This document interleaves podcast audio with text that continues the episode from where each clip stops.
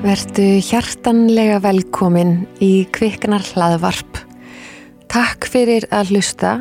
Það er alveg 37 þættir á undan þessum ef þú ert uh, first time listener. Við erum líka með kviknar Instagram, það sem að samfélag fóreldra býr. Uh, við erum búin að búa til lífdapnar og lífkviknar, sjómanstætti, bókina kviknar með Aldísi Páls og Hafdísi Rúnas. Við erum búin að gera alls konar í þá fóreldra og erum líka með Instagram sem heitir Eiland og Kampan þar sem við erum að í framtíðinni byggja hlýjuhof fyrir fóreldra.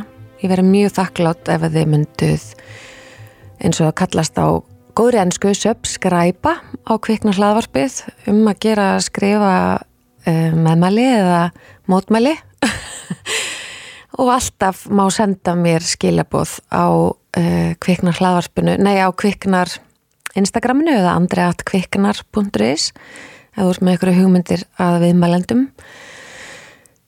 Í dag er uh, hún Þórunefa framúrskarandi Íslendingur árið 2021 hún er stopnandi Mia Magic sem er uh, samfélag eins og kviknasamfélagið sérstaklega búið til fyrir foreldra uh, langveikra barna.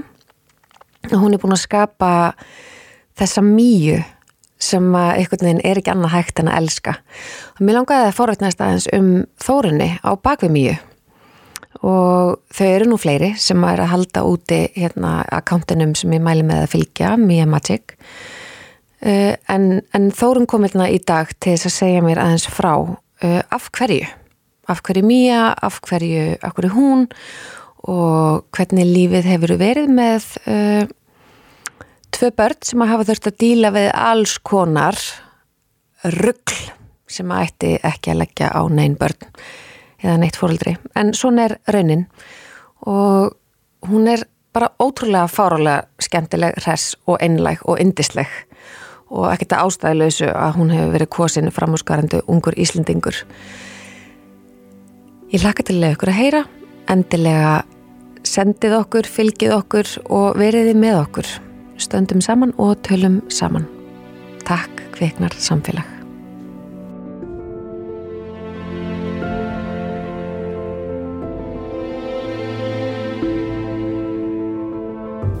Já, sko ég veit eiginlega ekki hvar við erum að byrja að því að Þegar við hýttist núna sem er örgulega 7. 8. 9. 12. tilraun okkar, það hefur alltaf eitthvað komið upp á mm -hmm. þegar við ætlum að setjast niður saman en það er kannski eitthvað neginn konur sem er lifum þannig lífi með mismunandi hætti þó en, en það er alltaf eitthvað sem að breytir skipulæginu Já, lífið bara sem, kemur upp á Já, einmitt. alltaf eitthvað sem fokkar í Excel-skjálnu Þessi, gerir ekki Excel-skjál Nei, ég, hérna, ég held ég að ég bara ég kann valla á Excel sko. Nei ég nenni ekki að læra það. Það er bara, það er bara þannig. En þú byrjar, við byrjum að ræða þú svafst í klukkutími nótt. Mm -hmm. hvernig akkur hafður ekki samband? Og sagðir, er, við erum að fresta þessu. Þú átt ekki að vera hérna gangandum búin að svo í klukkutíma. Nei, en kannski líka bara þú veist, maður er svo harðið við sig. Já ég held að sé líka bara, þú veist, þá hefði ég ef ég hefði farið að kanselara núna, þú veist, og ég ger þetta rosa mikið, að hérna ég ætti náttúrulega miklu döglegir að segja bara, herri, veist, ég kemst ekki hmm. og bara vera heima í kosi, sofa og hmm. hvaða er, skilur, sem að ég þarf að gera fyrir sjálfa mig, en ég gera það ekki, þú veist, og ef ég þau skipti sem ég gera það þá næ ég ekki þessari kvild, þó ég sé sofandi að því að ég er alltaf að vakna bara, fjandin, af hverju gerði ég þetta, af hverju fóri ég ekki bara hmm. og hérna þá er svona veginn er ég einhvern veginn búin að eðalega daginn fyrir sjálfur mér að því að mér finnst því að hafa brugðist þeim sem ég ætlaði að hitta Já. þú veist, maður á ekki að beila maður á ekki að gera þetta, þú átt bara ekki að halda það áfram en þú veist, ég upplifir samt alltaf eins og ég hafi brugðist í staðan fyrir að hugsa bara um sjálfa mig, skilju sem ég bara ger ekki þú veist, þetta er bara og líka kannski bara að því að mig langar svo mikið til þess að geta gert hlutina mm. sem ég langar svo að geta bara, þú veist, farið í vinnu klukkan, þú veist, halv en ég geta bara ekkert, þú veist, svima nætur eru bara svona og ef, ef að þú ættir svona og ég er bara hver að þér, þú veist, verður heima hjá þér en, en ég gera það ekki fyrir sjálfa mig, sko Ég heldur sérst ekki eina konan sem að hafa sér svona að við ráðleggjum þeim sem okkur þykir vendum og jafnvel ókunnum að fara betur með sér en gerum það síðan ekki sjálfar. Já, það er svolítið hva, þannig. hvernig, hvernig lögum við þetta? Ég veit ekki og ég menna, þú veist, ég mentaður enga þjálfari. Þú veist, ég mentuð í því, þú veist, ég mentuð sem sjúkraþjálfari, ég mentuð í því að fólk, þú veist, að kenna fólki að hugsa um sig en ég Já. gera það ekki sjálf. Nei. Þetta, þetta er fáránlegt, sko. Og ég veit allt sem ég á að gera, ég veit allt, þú veist, ég veit hversu óhald þetta er. Mm. En maður er veginn bara svona, En ég minna, er þetta ekki, nú eru aðstæður hjá þér, bara svo við tölum aðeins um það, þar eru frekar yfirþyrmandi. já, pínu krægandi. Þú sést átt tvo stráka, eða þið,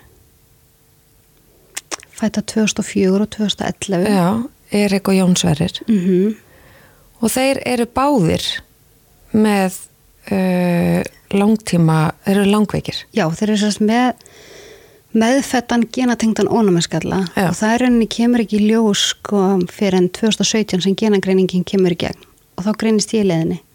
Já, þá ert þú raun og verið að fá greininga á einhverju sem að þú varst búin að að díla við og vissir aldrei hvað var. Já, svolítið mikið. Og veist, og þannig komum við aftur inn á það, veist, að ég gleymi þessu svolítið mikið, veist, ég gleymi því að ég er líka Til. Já, og ég er líka með veikindi, núna er ég búin að vera með hita í marga mánuði, skilur, og ekki með COVID og ekki neitt, en þú veist, endurist á síklarlegum að ég er alltaf með eitthvað síkingu, en ég gleymi því bara að ég sé rauninni lasin, skilur, að því að þeir einhvern veginn bara svona, bara passa upp á þá einhvern veginn, Mhm. þannig að þú veist, ég ætti rauninni að hugsa enn betur um mig heldur en, heldur en kannski, já, já, að ég veit ekki, ég einhvern veginn bara svona, eins og bara núna að segja þér þetta, ég bara svona, hvað er að mér? Já. En hérna, en já, ég gleymi þessu En svolítið þetta er mikið. náttúrulega vendarlega svona survival mekanismi. Já, líklega. lítur að vera, einhvern veginn bara keira, keira, keira, keira. Já, En þú heyrir alveg sjálf að þetta, þetta meikar er ekki sens. Þetta meikar ekkert sens. Nei, gera það ekki, sko. Ok, þannig að þetta er sérst, sjálfsónæmis sjúkdómur. Nei, þetta er ónæmisgalli. Ónæmisgalli, Þannig já. að ónæmiskerfi í rauninni framlega er ekki það sem það á að framlega til þess að, þú veist, hindra það að þeir fái sýkingar og allt þetta. Þið, Já, við. ekki bara þeir. Nei, já. og hérna en þeir eru sem sagt með sko við þrjú erum í rauninni öll með sama sjúkdæmin Ok, ekkert af okkur er rauninni sínar hann eins. Um, Erik Valur er þá svolítið líku mér og við erum svolítið með þetta bara svona í ennis og kinnhólum og svona. Hann hins vegar er með þetta þannig líka það hefur lítið gerst reyndar eftir að hann byrjaði í immunoglobuli meðferðum sko. En þá svolítið svona það sem kveikti viðverbjallir hjá honum var sko hann var að fá svona kíli á lærin og þú veist svona, svona síkingar sem mikið að skera á og svona þú veist hleyp út greftri og svona. Um, það var svona hans helsta og svona bara alltaf kvefaður, alltaf bara lasinn. Og var búið að taka nefnkirla og hálskirla og allt fyrir tveggjara og búin að fara mörg sinnum í rör og svona. Þannig að bara alveg síðan að hann var bara pín lítill. já og ég hafði rauninni mjög röng við mig, mér fannst hann ekkit lasinn. Nei. að því að ég var náttúrulega búin að eiga Jónsveri fyrir Mhm. og hann var lasinn. Mm svo kemur Erik Valur og ég er bara svona hvað, nei, nei, hann er ekkert svo lasin en svo þú veist eins og vinkona mín með stráka sama aldri, hún bara Þórun, hann er rosa mikið lasin Mhm. og ég er svona, já, kannski, nei, nei þú veist, þannig að hérna, ég var rosa mikið bara svona nei, nei, þú veist, það, það er ekki neitt Þú þannig ég í afneiðin Mhm. að því að innstinni vissi alveg það var eitthvað og innstinni vissi ég að það kemur frá mér Mhm. að því að hérna hann er í rauninni sko, þú veist, það er að sé hvað pappan Mhm. Þannig að ég var eina sameiginlega með þeim Mhm. og ég vissi þá að það kæmi frá mér og þá fer maður svolítið í svona sjálfsásökun bara svona ok, já, ég á þá að vera heima ég á þá hugsa um þá, þú veist, þetta kemur frá mér en einhvern veginn, þú veist, já, ég var alltaf heima með þá og og í rauninni það er ekki fyrir hann að er eitthvað byrjar í immunoglobulingjöfum að ég fatta hversu lasin hann var Mhm. í dag er hann ekkert svo lasin sko.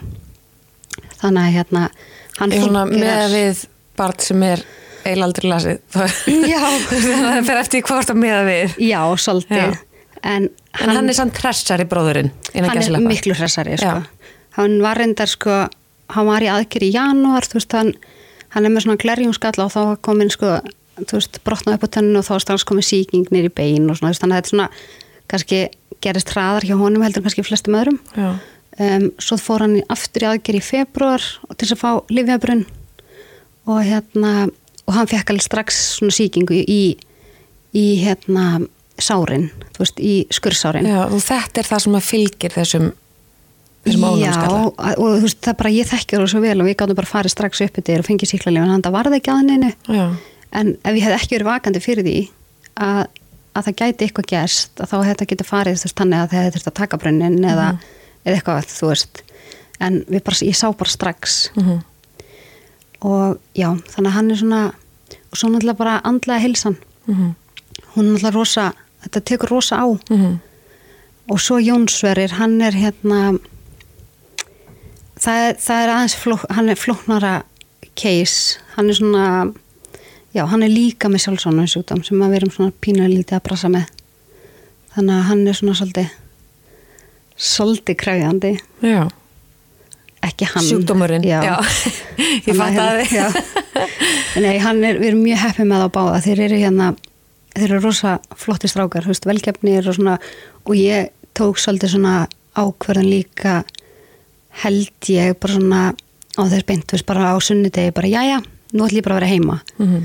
ég kerði mig algjörlega út að reyna að vera út af vinnumarkanum og það var aldrei neitt skilningur og fólki fannst ég alltaf verið í burtu og skildi ekki en hann var hress áðan. Ég sagði, já það þarf bara 20 mínútur skilur þú veist, þá er hann bara frá því að vera glaður þá vil ekki. Mhm. og, og ég minni, ég finn lyktina af honum þá veit ég bara, ég bara oh, hann er verið veikur. Þú veist, ég, ég, þú veist, maður er farin að vera bara þannig sem maður þekkir á það vel skilur þú veist, og ég sé augunum og ég sé húðinni, húðin verður svona aðeins grófari. Og hérna og ég tók eða bara með þetta ákvörðin bara upp á andlega heilsuna þeirra líka og mína að ég yrði bara heima. Mhm. og hérna ég er svo oft hugsa það sem er ekkit bara. Nei, í rauninni ekki. Og þetta er bara ógæðslega erfitt, ég verð bara að segja. Og fyrir svona tveimur án síðan það hef ég sagt við, já nei, þetta er bara fínt sko. Mhm. þetta er bara, þú veist, þetta er bara maður á sem bönnum að það bara gera þetta, það er bara ekki tannig veist, þetta er bara ógæðslega erfitt. Og hérna og ég tók sem sagt þess að með þetta ákveðin vera heima og, og ég hugsaði sko að þeir eru báðir búin að vera svolítið svona í andlegu brasi eðlilega að hérna hvar þeir væri stattir ef ég hefði ekki verið heima. Mhm. og ég hef aldrei fengið neina aðstónist þar að þeir eru bara, þú veist, þetta er þetta er sjálfgefi sjúkdómur. Og ég fæ reyndar núna með þeim sko, eitthvað 40 skall veist, á bann en svo er það dætt út núna því Jóns hefur 18 ára. Og þetta er einhvern veginn svona, þó hann sé að vera 18 ára þá finnst mann einhvern veginn eins og hann hættir ekkert að vera barnið mitt og hann hættir ekkert að þurfa mig en þú veist, læknaðin hætti að ringja í mig, þú veist. Ég hætti að geta ringt upp á spítala og fengið upplýsingar, þú veist, þetta er einhvern veginn bara svona, það er bara köttað á mig. Mhm.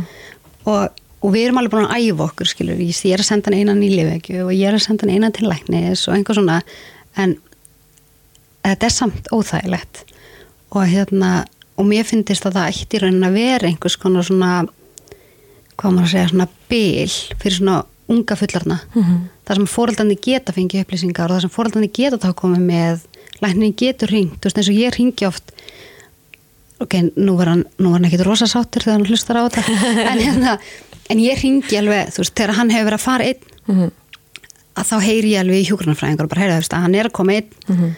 um, og ég ringi, þú veist, þegar að, að hann færi nefnilega svolítið að livjum sko áður en svona forlega ekki áður en lifin fara að stað, þannig að hann sefur eiginlega allan tíman og ég ringi alveg bara svona, jæja, hvað segir, þú veist, er ég lægi með hann, þú veist, og hann veit það ekkert, skilur Nei, nema núna. Nema núna, en það er allt í lagi, það eru þrýr mánuðir eftir, hann lítur að fyrirgefa mér. En hérna en, en svo erum við aftur á móti sko ég er örugglega í betri stöð en margir fóreldrar að því að núna get ég tekið það með mér í lífegjöf Já, þannig að nú getum við farið saman. Já. Þannig að hérna, já. Að því nú farið á sama stað eða? já, sko þetta er þannig sko að þeir fara á barnaspítalan og ég fyrir fórsvæn um, þeir fara á þryggjaðan fyrrasti þar og ég hinum einn þannig að núna veri Erik Valur einn eftir á barnaspítalanum og ég og Jónsur fyrir mig yfir. Já. Þannig að hérna ég get svona svolítið svona í sér inn til þess að þannig að hann verður ekkit einn skilur og það er það sem róar mig að því að þú veist, hann er bara þóli lifin ítla og annað skilur þannig að mér finnst óþægilt að fara einn En nú velti ég fyrir mér, eh, ok, þannig að þú, eru þetta tekina þínar? 40.000 með hvora barni fyrir sig? Og, og nú detta þess að það er 40.000 niður, fær hann þá 40.000 krónar? um, nei, Nei, þannig að byrja er þá gert ráð fyrir hvað, hann færi 18 ára með langvinnan sjúkdóm út á vinnumarkað og sjá fyrir sér það. sko, já, Alla. einmitt. nei, svo er þetta líka nefnilega svolítið flókið að því nú er hann að reyna að sækja um vinnur í Já, og hann er bara niður brotin að reyna þetta að því að hver, hver vill hann í vinnu? Já, hann veit ekkit hvernig sumari verður. Nei. senasta sumar var ömulegt og hann mætti eiginlega ekkert í vinnu. Og það er rosa erfitt að vera mótiveraður og vera að sækja um vinnu þegar þú veist að þú ert eftir að bregðast. Já, og ég veit ekki sko allan verð ekki og þetta er eitt líka að hérna að það hefur enginn tala við okkur í sambandi við þessi skipti í rauninni, ég hef búin að byggja um allar þessu upplýsingar og, og það er í rauninni, barnaspílinn segir reynda núna að það sé eitthvað ferli sem fer í gang en ég hef ekki ennþá fundið það, þú veist, ég hef ekki séð það og ég hef ekki fengið að heyra neitt. Við erum í besta hjúkranafræðingin og ég, þú veist, bara svona hún tipsar mig, skilur og, og, hérna, og ég tala við hana og bara svona hvað ætti ég að gera? Og, ég hef heyrt að hann geti sagt farið á örorku um, já, annað væri náttúrulega galið. Já, það væri það og þú veist, ég, ég sé ekki hvernig hann að sjá fyrir sér í þessu ástandi sem hann er núna og þess vegna eru líka að berjast ennþá meira fyrir því að hann fái ykkur svör með sína hilsu. Mm. Þannig að hérna, en já, ég er bara svona, mér finnst ég pínu vera að detta inn í sama pakka og ég var alltaf í, skilur, með hann. Veist, þannig að hérna, já, ég hef ekki verið á launum í, að verða 18 ár. Mm Ég reynda að fekk örorku í gegn núna april í fyrra eftir, 18 ára aftur í tíman þá. nei, ekkert aftur í tíman held ég, nei, ekkert aftur í tíman. Hvað er eiginlega í gangi með þetta helbriðiskerfi? Mm Og það var þannig sko að hérna þá, ég man ekki allan að fyrst var eitthvað svona endurhæfing svona endurhæfinga líferir og svo þurfti ég að fara í gegnum virk og hann horfði bara á mig bara þú, þú ert ekki að koma hinga Við rættum þetta með þannig að þegar við hittumst einu sinni á kaffu og svo vorum við að spjallum mjög magic og svona Já. Verkefni sem við tölum um á eftir. En hérna og ég segi hérna, hva, hva, þú veist að því þá fekk ég bara sjokk einhvern veginn á að tala við þú veist bara hvað er eiginlega í gangi hérna í þessu Já. helbriðskerfi og ég segi en hvað með virk? Og þú, þú eiginlega svona flissar og segi já þeir vilja ekki fá mig þanga ég er allt og, allt og slem, ég er allt og illa stætt fyrir virk Já, og ég segi, vá hvert fyrir maður þá? Já, Já, að því mér finnst það einhvern veginn að vera svona sko, sjálfur að því að ég er búin að vera hjá virk sjálfur líðið mér svo það hefur verið endastöðu mín sko, þannig að ef að til dæmis virk hefði ekki viljað taka við, við mér hversu illa hefði mér þá einhvern veginn lið, að skilur ég bara, ég áttum ekki á því að þetta sé bara geti verið svar eitthvað, nei þú ert bara óvillastödd fyrir já þessa þjónustu og ég hvað var þá að gera? það illastöð og er í rauninni ennþá þú veist að, að þetta er þú veist ég er ekkert að fara að sjá fram á það nýtt strax að fara að geta fara að vinna og þú veist að því ég þú veist eins og bara nætunar eru núna og dagarnir eru þú veist ég ábar oftur og svo bara erfitt með það bara að fara í styrtu Mhm. þú veist og, og sumi dagar þú veist eins og ég gær þú veist það var bara fínasti dagur og ég gerði líklega ómikið og það snakkaði ég ekki svo við nátt Mhm. ég gerði samt eða ekki neitt þú veist var ekkert svona, og ég var svo pyrra yfir það því ég er svo snar ávirk sko. Mm en hérna en já, ég var sérst komin í viðtalja virk og hann eitthvað nefnir bara svona, "Ah, nei og, og ég fyrir aftur til heimislækni sem hún bara, já, já, herði byrju mm. þá er það bara næsta að þú þarft að fara bara í mat hjá svona einhverju matslækni -hmm. Og ég fer til hans og var bara ógeðslega kvíðin fyrir þessu. Og hérna að því að þú veist, mín upplifun þú veist, þegar ég er að alast upp að þá einhvern veginn bara svona öryrkjar maður er bara svona halda að þetta sé bara aumingjar. Mm sem það er bara alls ekki. Mjög miklu fordómar í samfélaginu sem er já, svo steikt sko. Og hérna og svo einhvern veginn svona kem ég hann inn til þess að læknis og það fyrsta sem hann segi við mig var bara, herri, já um, þetta verður erfið tími, þú veist, ég átti að spyrja mikið erfiðum spurningum og bla bla bla, eitthvað, ég svona, ó nei. Bara, shit þetta verður eitthvað. Og svo byrjar hann að spyrja og eitthvað og svo bara spyr hann og spyr hann og spyr hann og ég svara og ég svara og ég svara og, og hann eitthvað, já, herri, þá er þetta bara komið. Og ég eitthvað, ha, eð, Hvar eru erfiðu spurningarnar? Já, og hann eitthvað, ég er búin að spyrja þær allar, ég voru þetta erfið spurningarnar. Hann eitthvað, já ég hefði, ok. Og þá var þetta bara þessi eðlilega spurninga fyrir mér skilja, þegar þú veist það var bara einhvern veginn svona, já, þú veist, hvernig líðið er og hvar sér þið fyrir þér og þú veist, bara svona alls konar svona spurningar veist, um strákana og eitthvað svona og ég, bara svaraði. Og, og fyrir mér er líf mitt eitthvað svo eðlilega það búið svo langan tíma svona að ég fatt ekki að þetta er þetta er ekkert eðlilegt. Og hérna og hann sagði bara strax bara, já, það, við tökum núna tvö ár tímabundin örska og ég er bara að láta að vita það að þessi peningur er ekki að fara í neitt annað en sjálfa þig. Mm. og ég er svona að horfa á hann bara, ég líka hvað minn er sjálfa mig. Hann líka já bara að þið langar í plokkan litum, það gerir þú það. Og ef að þið langar að kaupa kjól, þá bara ferð þú að gerir það. Og ég er svona, já en hann líka, og það ætlum við að gera við ætlum að æfa okkur í því að hugsa um okkur. Er Þannig að þú Ok. ert búið, það er búið að raskella þig hann mörgu sinnum. Og þú ert ekki búin að hlusta þér ekki á þennan mann samt. Jú, ég er alveg Þú búin að stendur mjög fínum kjól og mjög fínir auðbrunir Já, en þessi kjóll sko, hann er orðin svona 100 ára þannig ég er ekki búin að kaupa þennan. Nei, en ég er samt sko jú, ég hef alveg verið aðeins stöðlega þú veist, í þessum hlutum. Þú veist, ég hef Já. alveg lift mér skilur eins og núna, þú veist, ég leifi mér alveg að fara og, og, og fyrir vennilegt eða vennilegt, þú veist, það er enginn svo sem vennilegur en innan gæsalappa þá þá finnst fólki veginn bara svona það að fara í smáralindina og kaupa sér eitthvað eða fara í smáralindina og ná sér í kaffiballa eða, eða fara í neglur og fara í plokkun og litin og fara í klippingu og allt þetta. Þú veist, þegar þú ert bara með innkomi frá einum aðila þá ert ekki að leifa þessu hluti. Og, og fólk er ofta alveg bara svona æ, þú veist, hérna ála á ykkur og, þú veist, og eitthvað svona. Og, og ég er alltaf svona, já þú veist, ég er heima og hann gleymist. Þú veist, hann er í þrefaldri vinnu, skilur og hann er alltaf búin að þessu alltaf bara, ef maður er að fara í veistlur eða ekki reynda síðustu tvö ár lenga veistlur í bóði, en fyrir þann tíma að þá skildi fólk aldrei þú veist, af hverju við komustum ekki. Það var annarkvort einhver veikur eða hann var bara að vinna. Og fólk bara, vá, þið verður nú kannski aðeins að slaka á og þið verður nú kannski bara aðeins að þið getur nú alveg mætt og allt þetta. Og ég bara svona, nei við getum það ekki, veist, við þurfum það þarf einhver að vinna og hann bara, já, ég get hann ekki tekið fríðan þannig að hugsa um sig, já, en þú veist, það þarf líka að hugsa um börnin og það þarf að fæða þessi börn og allt þetta, skiljur Þannig að hann í raun og veru hvað kemur inn í líf þitt og Jónsveris já, þegar hann er fjagur, held ég, þryggja Já. áls fjárara og hann er þessi innkoma sem þú talar um. já, Já.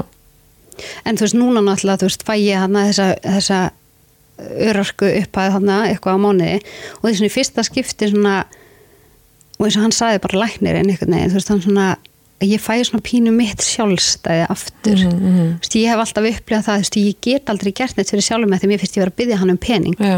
sem er en ekki draugrétt Nei.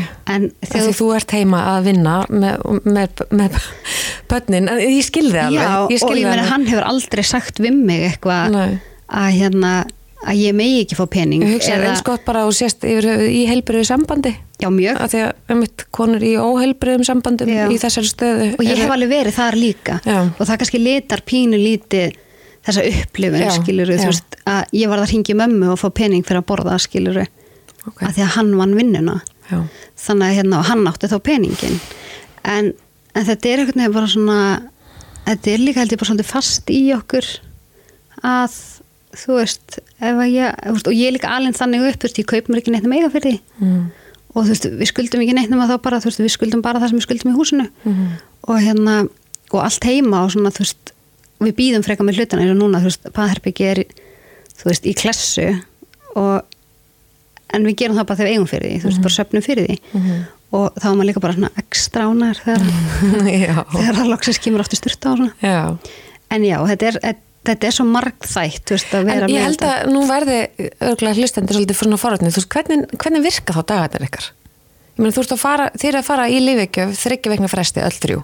já, Jónsverðir er, hann er, hann er, það eru ennþá meiri áskorunni hjá honum af því að það er eitthvað svona vafi um það í raun og veru hvernig þessi sjúkdóma virkar hjá honum. já, já sjúkdómi tvö já, já sem að, já. Mhm. Og þið er í raun og veru ekki ennþá búin að fá svör við því. nei Og, og þú ert búin að eiginlega berjast í kerfinu mm með það. En, en áður en að, mér langar aðeins að forvætnast um það, en segðu mér aðeins fyrst, hve- hvernig eru dagarnar ykkar? um, Þegar annarkorð er að yfirleitt veikur eða í lifakjöf eða í innlögn eða Erik er, er rosa lítið í innlögnum og einhver svona, þú veist, bara eiginlega En ég meina aldrei, nú er hann þú í aðgerð janúar og februar ég hugsa, þú veist, ég meina, sko, flest okkar fari gegn lífið með börnin aðeins að fara yfir höfuð í aðgerð, þannig að þau voru í janúar og februar, skil það er bara eitt og sér, þú eru átt að á, sko. Já, sko hann fór, eins og ef við tökum bara Erik Valsinn dæmi núna að þá, þá fer hann í jólafrí og hann fer eða ekki aftur í skólan fyrir en, veist, eitthvað að ráði fyrir en, að því að þú veist þegar hann átti að fara í skólan eftir jólafrí Mm. að þá ringdi okkur þið með komið aðgerð á 50 þannig að hann fór ekki eftir jólafrí. Já, og hann fer þá í aðgerðina og svo er hann alltaf svolítið tíma að ná sér að því að hann alltaf fekk veru syngun í það og gæti ekki talað að kynnt og það var allir í blöðrum í hálsunum og það tók alveg langan tíma að ná sér upp úr því Mhm. og hann var bara ótrúlega óheppin og þetta er svona, þetta er svona fylgikvilli líka líklega af að vera með ónumiskalla þú veist að það er, þú ert svæfður og það er verið að róta til í bakteríunum og annað og þá nælir hann sér í eitthvað annað Mhm. Og er allir í sýkingu í hálsunum og með hita og bara þú veist láfyrir og sem er mjög ólíkt honum. Og það tók alveg svona tvær, þrjár vikur og koma sér upp úr því. Og, og þá voru voru svolítið svona eigum að setja hann í skólan að það var ekki kallað inn í aðgerð sko, þú veist, á landsbítalan það var ekkert verið að kalla inn veist, fyrir lifabrunnin þannig að þá fórum við að hugsa, þú veist, erum við að fara að setja hann í skólan eiga hættu að fá COVID og missa svo á aðgerð þegar hann er kallaður inn eða eigum við að halda hann bara heima og sjá til Mhm. um,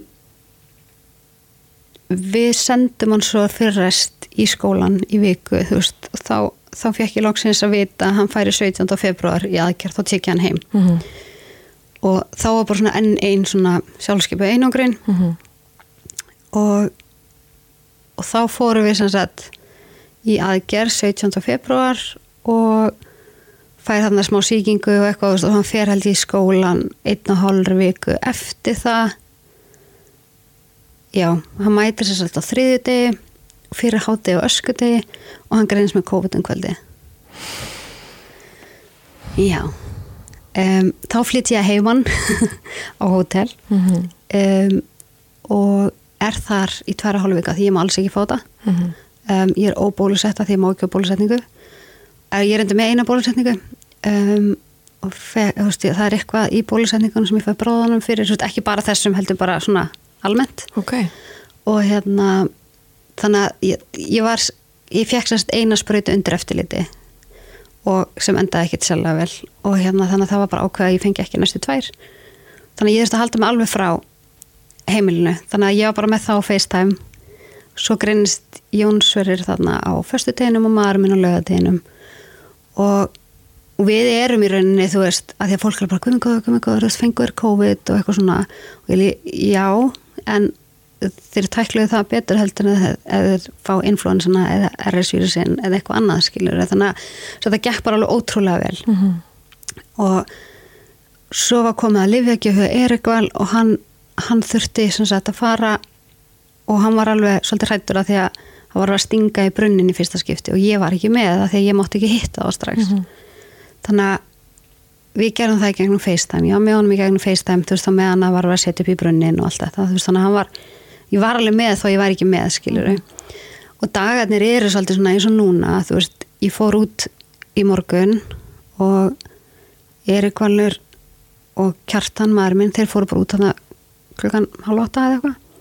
Um, ég var vöknuð þarna eitthvað um sjöpaðan tíma um áttaliti og Jónsveri vaknar þarna líka það mætti þú veist, í skólan þarna um nýju liti um, hann er búin að ringi mig þrísvar eða fjóru sinnum um, síðan þá og þá ætla ég kom hinga þú veist, þannig að tveimu tímum. Og þá var, var ég að tala læknina í gær og þá var að svona raugra það hvort þetta var síklarlif um, svo ringir ég með áðan og þá, þú veist, þá bara allt breytt síðan í morgun, þú veist, þannig að það var bara tveir tíma frá því að ég hitt hann.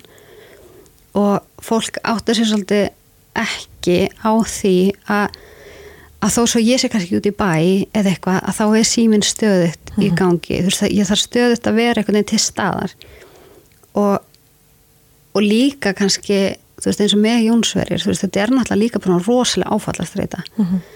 Um, leið og einhvað svona hann finnur að eitthvað er að gerast í kroppnum að, að þá verður hann bara smeykur, bara hvað nú skilur bara, er ég enn einu svona því að hún er alltaf kift út þegar það fer að ganga vel, þá gerist eitthvað. Og hann hefur eiginlega ekki fengið neitt breyk núna bara síðan, þú veist, fyrir árið síðan. Þannig að hérna, þetta er búið svolítið erfitt síðan, já æ, nú er ég bara að tala um þetta ár þú Já, þú ummitt. veist, af því að svo kom alltaf aðeins betri tímar en þú veist, þetta er alltaf búið að vera bara öll hans æfi, bara rosalega kröfjandi en dagarnir eru yfirleitt, þú veist ringilækni, fara í lifegjöf þú veist, græja lif gera þetta, gera hitt, þú veist, þetta er og ef að það er ekki þannig þá er ég með samvinskapið yfir því að, hafa beilað að mæta eitthvað staðar að því að ég er bara búin að því. Mhm. Svolítið svo leiðis Og svo bara líka hugsa um að eins og þegar Jóns verður ver, veikur þá þarf bara eitthvað að vera til staða fyrir hann hvort sem er í síma eða á staðnum eða Já, og líka kannski bara það sem að margir fatt ekki er að eins og núna, nú er bara svolítið krefjandi tími í langan tíma. Já, og, og þegar, þegar þeir eiga góðan tíma að þá krassa ég, Já. þá er ég búin já, og hérna og það er heldur kannski ekki þú veist skrítið en að fólk átti sig ekki á því skilur að þú veist það hefur ekkit upplegað þessa stöðu en, en bara það að öll fjölskyldan leggist í gubbupest skilur það er bara nógu fjandi erfitt Mhm. og eyrnabólga óþálandi, ógæðslega erfitt en þú veist við fáum bara aldrei þetta breyk þú veist yfirleitt þegar bara svona venjulegt fólk eins og segjum aftur bara innan gæsalappa andla, þá, þá er það þannig þú veist, þú veist að þetta klárast mm. -hmm. krakkin fær það bara síklarlif ef hann fær síklarlif hann er bara fýtt á fyrstu daginn Mhm. þetta verður bara gegja þá bara getum við haft fyrstu dagspítsun okkar Mhm. mm við getum aldrei búið til neina svona neina svona eða nei, það er ekki hægt. Og, og til dæmis bara með það að hérna með jólin það, ég held að ein jól verið þannig að við fórum ekkert fyrir nei, á gamlás, þú veist í kringum gamlás áramótin. Og þá fattaði ég allt í henni bara "Ah, jóló. Þá var mér gett jólalegt. Þá vantaði mig þetta þú veist að komast inn á spítalan til að finnast vera jól. Wow. Emitt og líka bara eins og þegar var lítill að, að hann var svo mikið oft veikur og mér fannst ég einhvern veginn svona eins mikið mér langaði ekkert að vera á spítalanum og eins mikið mér langaði ekkert að fara þangað en það langaði mér heldur, þú veist, mér fannst ég alltaf vera svona einhvern veginn þegar hann var svona mikið veikur og leiðið lappaðan á spítalan var bara svona, ég veit ég er örugg hér Mhm. og oft svona þegar ég fór heim að þá var ég bara svona ég væri alveg bara til að gist í andirinu Já. bara just in case Já. þannig að þetta er einhvern veginn bara svona maður heldur einhvern veginn í það svona, svona maður er örugur þannig að hérna Þannig að þetta er í raun og verið svona svolítið eins og annað heimili. Já, og þú ert, ég meina, þú ert þarna á samt öðrum foreldrum með annað heimili. Já, já, já, það er bara allt og Þú veist, margir. þetta er allt annar heimur heldur en bara við hérna, innan gæslappa aftur vennilegu fóreldrarnir já, þekkjum, skilur þetta er bara, þetta er annar raunveruleiki. Já, en þú hefur svolítið verið að deila þessum raunveruleika? Já kannski þú veist ekki að- bara þínum, heldur an annara, Annarra líka, gegnum mjög magic. og ég einhvern veginn svona ég fattaði um daginn að ég er ég er rosa mikið, svona, þó ég sé rosalega opin manneskja og ég er rosalega opin með allt þá er ég líka rosalega lokuð. Já, og ég deil ekkert hverjum sem er. Og, og ef ég seti inn myndra strákan þá spyr ég það um leifi og annað mm. skiljuru og, og sumt ég, ég er rosa mikið verið að hugsa þetta mér hefur langað til þess að setja inn myndir af þeim þar sem raunveruleikin sérst Mhm. um, það sem ég hefur að brasa svolítið með er að þú veist ef ég set myndir eins og af Jónsverir og Erikval í þeim aðstæðum sem þeir eru gessanlega bara það sem maður er bara brotin að horfa á þá Mhm. ef ég fyrir að setja það á netið þú veist þá á sama tíma að þá fær fólk að sjá já, en en líka finnst mér erfitt að berskjalda þá mhm, en, en á sama tíma veginn þá finnst mér svona og ég hef svolítið svona lifað eftir því að ef maður segir ekki eitthvað þá veit engin neitt einmitt. ef ég segi ekki eitthvað að, að þá getur enginn skilið mig Mhm. og, og það er svolítið þannig með það sem ég hef verið að hugsa í kringum Mía Magic er svolítið svona ég veit það ekki mér hefur vanta þú veist, ef ég segi til dæmis við eldri mannesku um, bara hvernig staðan er í dag og hvað við höfum verið að berast í gegnum bara já, veistu, er þetta bara ennþá eins og fyrir þú veist, 20 árum síðan og ég er bara svona, já, akkur gerði þú ekki eitthvað Mhm. og mér langar ekki að eins og að börni mín er að fara að koma inn á spítalan sem gæti, þú veist, maður veit aldrei og verðandi með genagalla, þá er mjög líklegt að þeir þurfa að nýta sér þess að þjónustu fyrir sínböð þá langar mér ekki að þeir sé að fara að upplifa allt það sem ég er búin að upplifa og, og þú veist, þetta er bara mannskemmandi og, og líka bara það eitthvað neginn, þú veist að þeir er ekkert hjálpa í gegnum þetta það er enginn sem að kemur bara jæja þóru mín, herði, fjandin, krakkin er lasin viltu knús? Mm -hmm. eða get ég gert eitthvað fyrir þig? Mm -hmm. eða er eitthvað sem ég get frætt þig um, er eitthvað sem þú vilt vita þú veist, það er enginn það er meira bara svona uh, er hún enn einu svona að setja á Facebook að krakkin er veikur sko. Það er meira þetta attitúd sem ég þól ekki á Íslandi. Um, nú er ég alveg að hluta til upp Erlendis og, og ég man svo vel eftir þegar ég var lítil að að bæði í bandaríkjanum og svo bjóð ég alveg mörgur í Indonési að ef eitthvað kom upp á í skólanum, einhverja veikur þá, þá kom allir með veitingar. Mm. þá kom allir með eitthvað og bara get ég gert eitthvað fyrir þig? Og, og það var þetta bara svona eðlislægt að fólk hjálpast að Já. og það er ekkit verið að byggja um neina aðstóð og, og þú ert ekki álitinn þú veist weak eða hvað maður segir skilur mm. þú veist ef þið vantar hjálp mm -hmm. þú veist við Íslandíkar við erum svo ógæðslega sjálfkvæður og við erum svo full of shit eitthvað neginn og ég líka veist, ég er náttúrulega bara eina af þessu fólki veist, ég byrð aldrei um aðstof og hef aldrei gert það og ég svara helst ekki símanum ef mér líður ítla því ég vil ekki að fólk spurja hvernig ég hef það að því að þá brotna ég saman skilur og, og þá ég vil ekki að fólk sjá það þannig að hérna og það er bara uppeldi. Og, og líka bara þetta, við erum öll alin upp í svo bilasleiri meðverkni og ef að við, eins og ég man eftir því að ég var lítil og mér langaði ekki í matin eða eitthvað það bara, ég myndi að bönnin í Afrika það fá ekki nýtt mm -hmm. og ég, svona, ég hugsaði þetta alltaf, ég var lítil ég svona, og hvað ég gerir því? Mm -hmm. Ég er ömulegt fyrir þau, en þú veist, ég get ekki breytti Þú náttúrulega hjálpar þeim ekki með að tróða matnum í því sem langar ekki sko. þannig að hérna hvað annað getur við gert fyrir bönnin í Afrika annað en að ég fá samverskapiti fyrir því mm, að mér, já, já.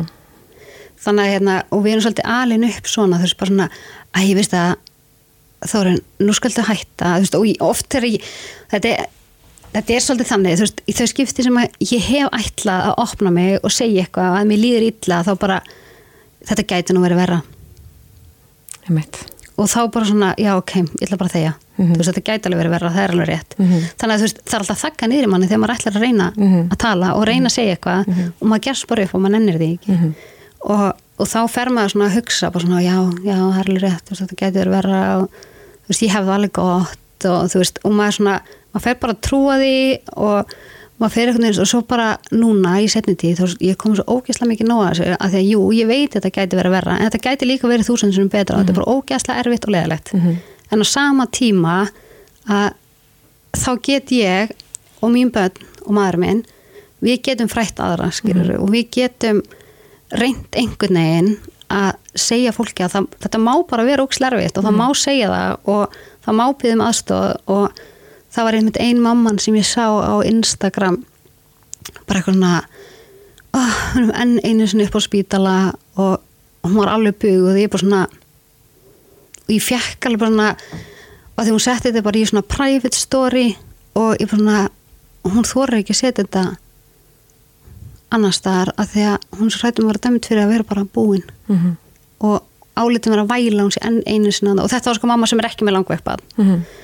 og hérna og ég, ég finn það alveg sjálf þú veist, ég set eiginlega aldrei orðið neitt um, um, um, um þetta líf að því að það er svo oft bara enn einu sinni hvað nú?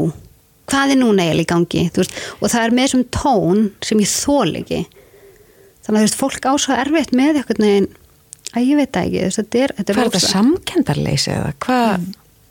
Mm, sko ég upplifur rosa mikið að fólk haldi að maður sé að reyna að fá aðtiklu út á þetta um, volert aðtiklu svo, ég stjálega fengi að heyra það mm -hmm. ég hef líka fengið að heyra það að ég sé að búa tilveikindin mm -hmm. ja. strákanum og þú veist, ég fengi að heyra svo margt, ég hef líka fengið að heyra það sem ég voru að vinna fólkin sem ég er í gegna spöld mm -hmm. og ég sagði fólk eins og ég, hvað meinar þau já, bara fólk með svona gena galla, þú veist, bara þá, og þetta var hjúgrannfræðingur sem segir þetta við mig sko, ég var í vinnunni og hérna, þessum einum vinnum sem ég reynda að vera í og hérna hún segi við mér bara, já, fólk er svo þú þá bara ekki tegna spötn og ég segi, hvað meinar og þá var smá brasa á Jónsverir og hann þurfti að fara í aðgerð og eitthvað ég þurfti að fara úr vinninni og hérna, þú veist, tveim dögum áður. Og með dásalega deildarstjóra og hún gerði allt fyrir mig.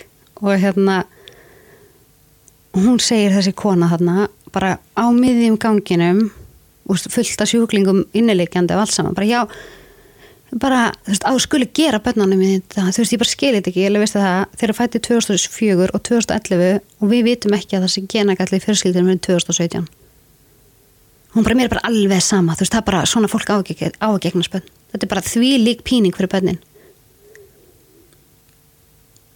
og þetta bara segir fólk og fólk verðist bara mega að segja það sem það vil Það er svo sjálf að segja verið orðið sko, ég bara ekki þú veist, ég bara ok, þannig að því að nú varum við með svona stökkbreytingu í kynu og það ekki bara segja að hann er þú mátt hann ekki egna spötna þegar þú getur hérna pínt börnin. Getur pínt börnin. Já og hún sagði við mig sko, þetta væri bara væri rauninni bara gerð af heimilisofbeldi. Ok, við getum ekki dvalið við svona fólk. Við, hérna, ég verða ég verða til að þessi kona heyrir þetta. Og má endilega ræða hans við mig. Mm -hmm. En svo er líka sko þessi foreldrar, það er missa rosa mikið alla vini sína. Og ég var engin undan þenning ég bara stóð eftir einn þær trúði mér einhvern veginn aldrei þú veist að við sæðist alltaf að koma segi það kannski kl. 5-6 að degi til ég ætlaði að koma að hitta kl. 8-9 en svo þarf ég að ringja og segja bara sorry hann er hún veikur þá held það alltaf að ég var að ljúa En ég skil ekki, þú veist, hver, hver fyrir að ljúa um veikindi basansins? Það veit það ekki. Hvað hva, hva forða meiru fyrir því? Þú veist, ég átta mig ekki á hvernig getur þú snúið baki við vinninum þó að þau komast ekki við veiku barni. Hvað því að þú átt aðra vinkonu sem er alltaf að ljúa um veikindi basins og þannig að þú ætlar að henda þessar út líka. Þú veist, ég skil ekki eins og hvað hva, hva fyrir gegnum höfuð af fólki. Það lítur að vera... Það bara gefst upp á manni. En hvernig er þá staðan eitthvað í dag? Um, er það, þú veist, minna, er, þið, þið eru þá fóaldra sem eigi langu bönn og -hmm. skilji hvert annað. Þið... Já, það er eiginlega einu vinkonu mínar í dag. Sko. Já, það er, það er kjarniðin. Já. já. Og já, hinnar eru bara svona, já, bara svona Facebook vinkonurinn í dag, sko. Mm -hmm. Og vinnir. Mm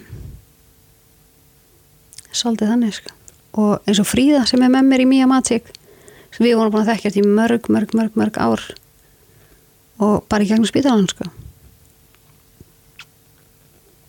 Ok, segðu mig hvað Mía Matík er um, Mía Matík er í rauninni bara svona lítið góðgerfélag sem ég stopnaði eftir að ég skrifa bókina Mía fær lifabrinn mm -hmm. og hún er rauninni gerð um, ég sagði alltaf stráknum mínum eldri, Jónsverðir sögur þegar að hann var yngri þegar þú veist í kringum það að hann var að fara að fá livjabruna þá var hann svo hrætti við þetta og hérna og þá ekkert er bara svona að fatta því veist, ég er náttúrulega heilbreyðismentu sjálf mm -hmm.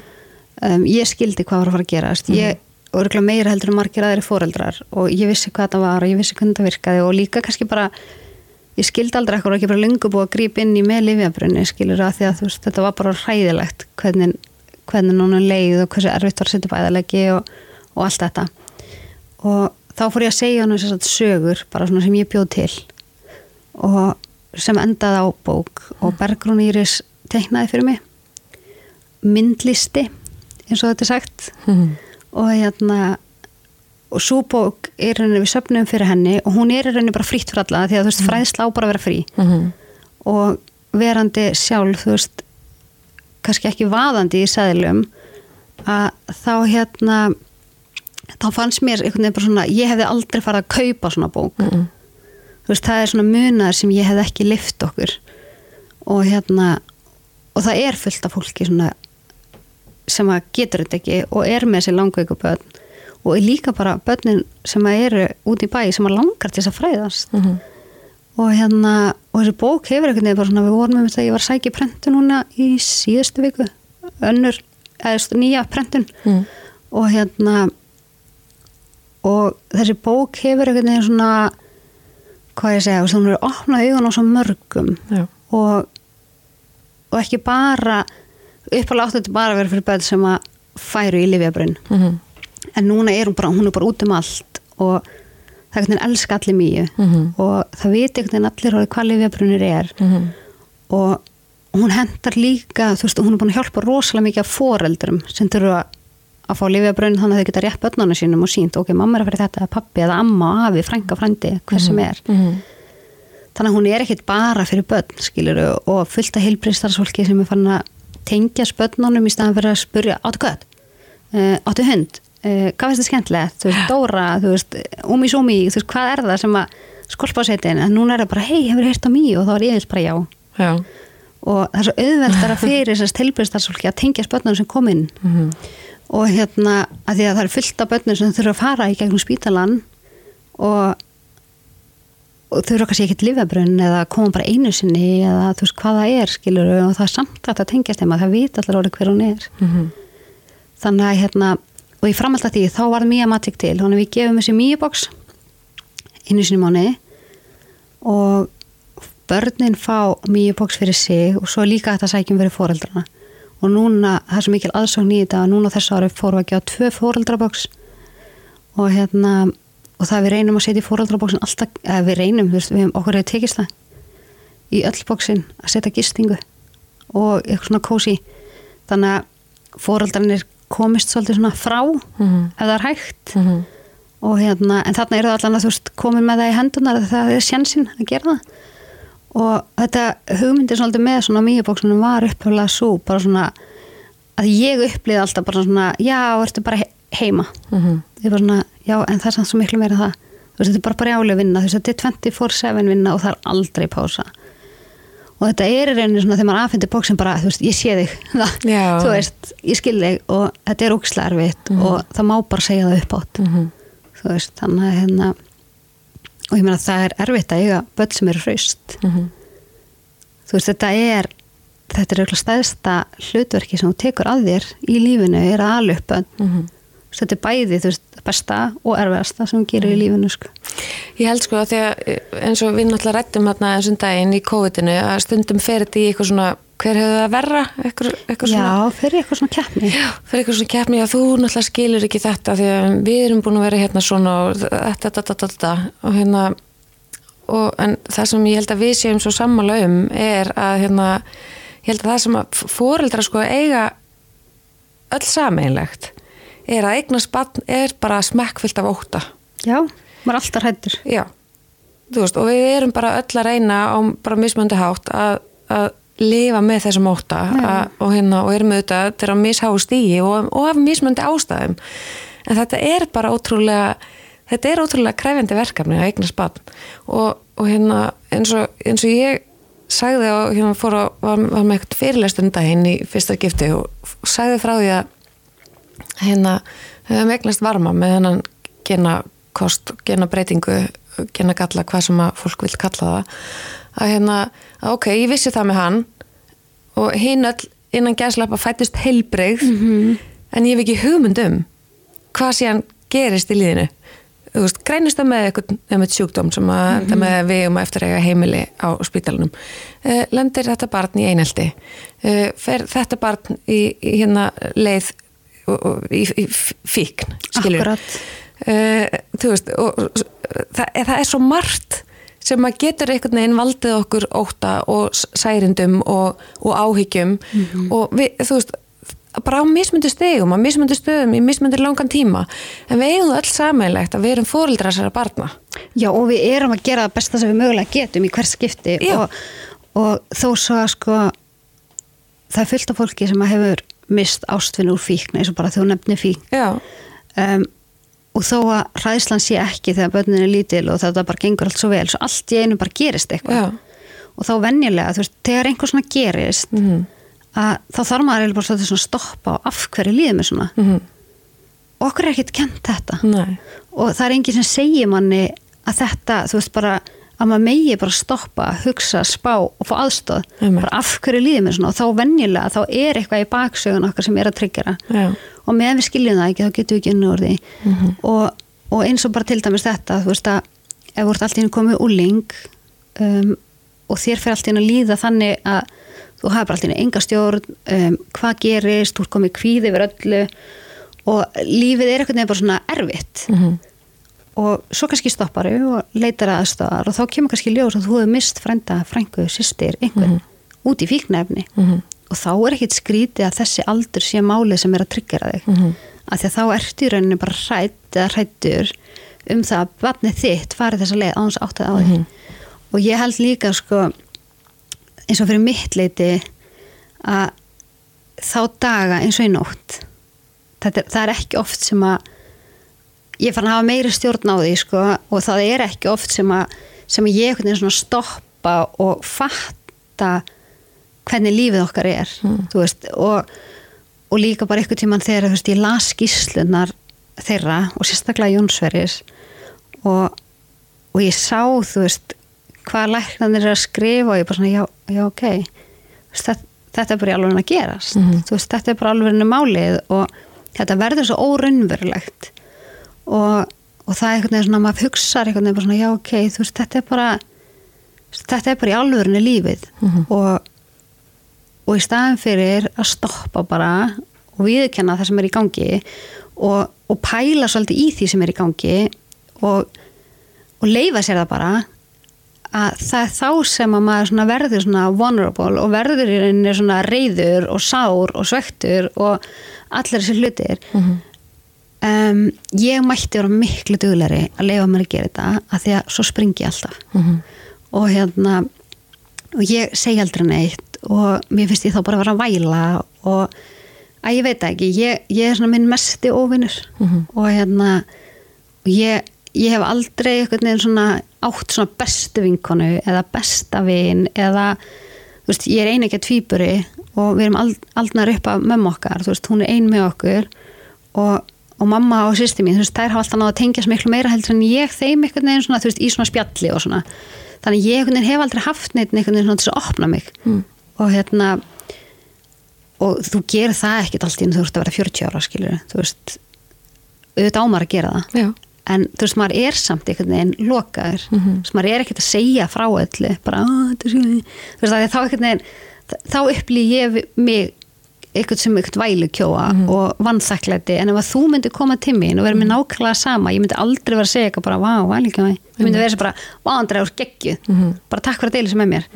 En, en mín upplýðun á mér er Og þú hefur bókstæðlega gert það um mig. Já, já, nákvæmlega. Skilur þannig að þetta er, þú veist, það þarf aðeins að svissa þarna. Ég meina, að því ég líka veldi fyrir mig, sko, þú, þú, þú nefndir aðan að það hef enginn bóðið ykkur neina andlega hjálp. Eh, nei, en tengdamóðu mín á vinkonu sem að er sem sagt, sérhafis í svona áfallast streitu meðferð eitthvað.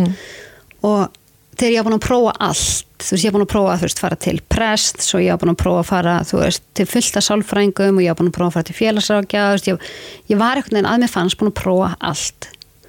Og Og hugsa alltaf þá bara þín megin vegum sem að þú, já, bara mínum, einu sinni hitti ég Vigfús upp á spítala og hann reyndar hjálpaði mér alveg helling sko, við akkurat, þú veist, það var eiginlega bara svona einangra tilfelli. Og hérna og þá var það þannig sko að hérna alltaf því ég fór einhvert að þá þá var alltaf bara spurt bara já, hvernig hefur það í dag? Og ég er bara svona fokka þess erfitt sko. Mhm.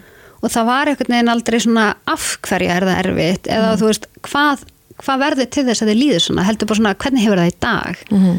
Og hérna, og ég vissi það aldrei. Ég vissi aldrei af hverju mér leið svona ógslítla og ég vissi aldrei af hverju lífið var svona einhvern veginn, þú veist, ég var aldrei einhvern veginn þannig að að ég væri bara af hverju ég, þú veist, ég var aldrei í neitt sjálfsvorkun eða neitt þannig. Ég skildi bara ekki í því af hverju mér leið svona illa. Og hérna og þá var ég líka fyrir ég fer í þessa áfallastreitu meðferð sem ég, sem ég er bara sagt bara þetta er áfallastreita og ég skildi aldrei í því af hverju mér fannst svona erfitt að fara á spítalan af hverju ég reyndi að forðast að fara með það í lifjagjöf og af hverju, þú veist, mér fannst svona erfitt. Þú veist, mér fannst bara allt erfitt. Og, og þá var þetta í rauninni bara svona, þú veist, það er svo ímislegt komið fyrir inn á spítalan sem, að, sem að, þú veist, mér langaði bara ekki að myndi að gerast aftur. Bæði, þú veist, eitthvað sem að þeir hafa lendi í og líka samskipti við heilbreyðstafsfólk og, og það er þessi evi sem maður fær og maður fær svona hvað maður að segja, maður svona, eins og mann sé ekki trúað. Og það er svona þessi pínu litli hluti sem sapnast saman sem að maður fer að efast um sjálfa sig og kannski er þetta bara ekkert veikir og kannski er þetta bara ekkert svona og kannski er þetta ekkert hins eginn og líka það bara svona þegar ég fór að segja fólki að við erum geningalla, já hann er bara þér að kenna. Og maður fer bara að trúa því.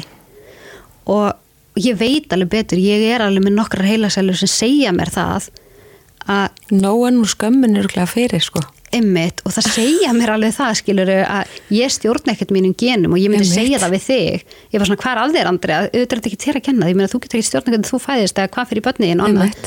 En ég var bara alveg búin að trúa því að það væri bara allt mér að kenna og ég ætti bara að vera með það heima og, og veist, þetta var bara þetta var þá bara mitt skilur ég verð þá bara að höndla þetta og ég verð bara að sinna þessu og allt þetta veist, og mér fannst ég einhvern veginn ekkert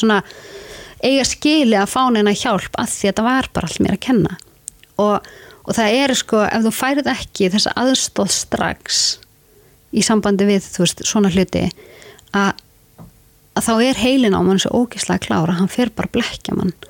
Og maður fer bara að trúa alls konar ruggli og þó maður viti betur og hérna já, ég veit ekki, þetta er svona og líka bara þetta sem þú nefndir, þú veist, þessi samkeppni að ég þurfti alveg í COVID ég viðkenna fúslega ég þurfti að stoppa mig af. Mhm. ég þurfti algjörlega að, að stoppa mig af og, og það var þetta skilur, veist, fólk var svona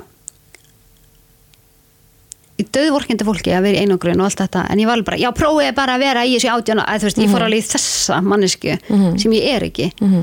Og ég þurfti alveg svona að bremsa mig af bara, ok, þú veist, af hverju líður mér svona af hverju er ég svona ógæðslega pyrruð út í það að fólk sé eitthvað að væla, þú veist, innan gæðsalappa yfir því að vera að loka ekstra inn í tvær vikur þegar það getur verið út um allt alla aðra daga ársins.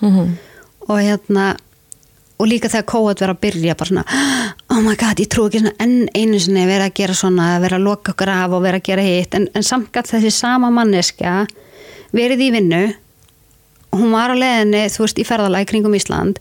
Um, þú veist, var þú veist, að ég veit það ekki, þú veist, hún gæti bara gert allt þú veist, þetta var svona forréttenda manneskja. Og, og þetta fór ógæðslega í töðunar og ég er ógæðslega pyrruð og eitthvað og þú veist, hvern var ég að særa með þessu? Þú veist, bara sjálfa mig með því að pyrrast og þá þurfti ég svona að stoppa mig á og vera bara svona, ok, þú veist, af hverju er ég að pyrrast og þá fattaði ég allt í einu bara að ég skil þetta fólk svo vel. Ég skil hvað er erfitt að vera lokaðar eitthvað stær í tvær vikur. Ég skil að þetta er bara ömulegt og ég skil, þú veist, ég man bara svo vel eftir þessum tilfinningum þegar ég var að lendi í sem er Jónsöri í fyrsta skiptin þar sem að hann var veikur í margar vikur í einu og ég hitti engan og við vorum bara föst heima.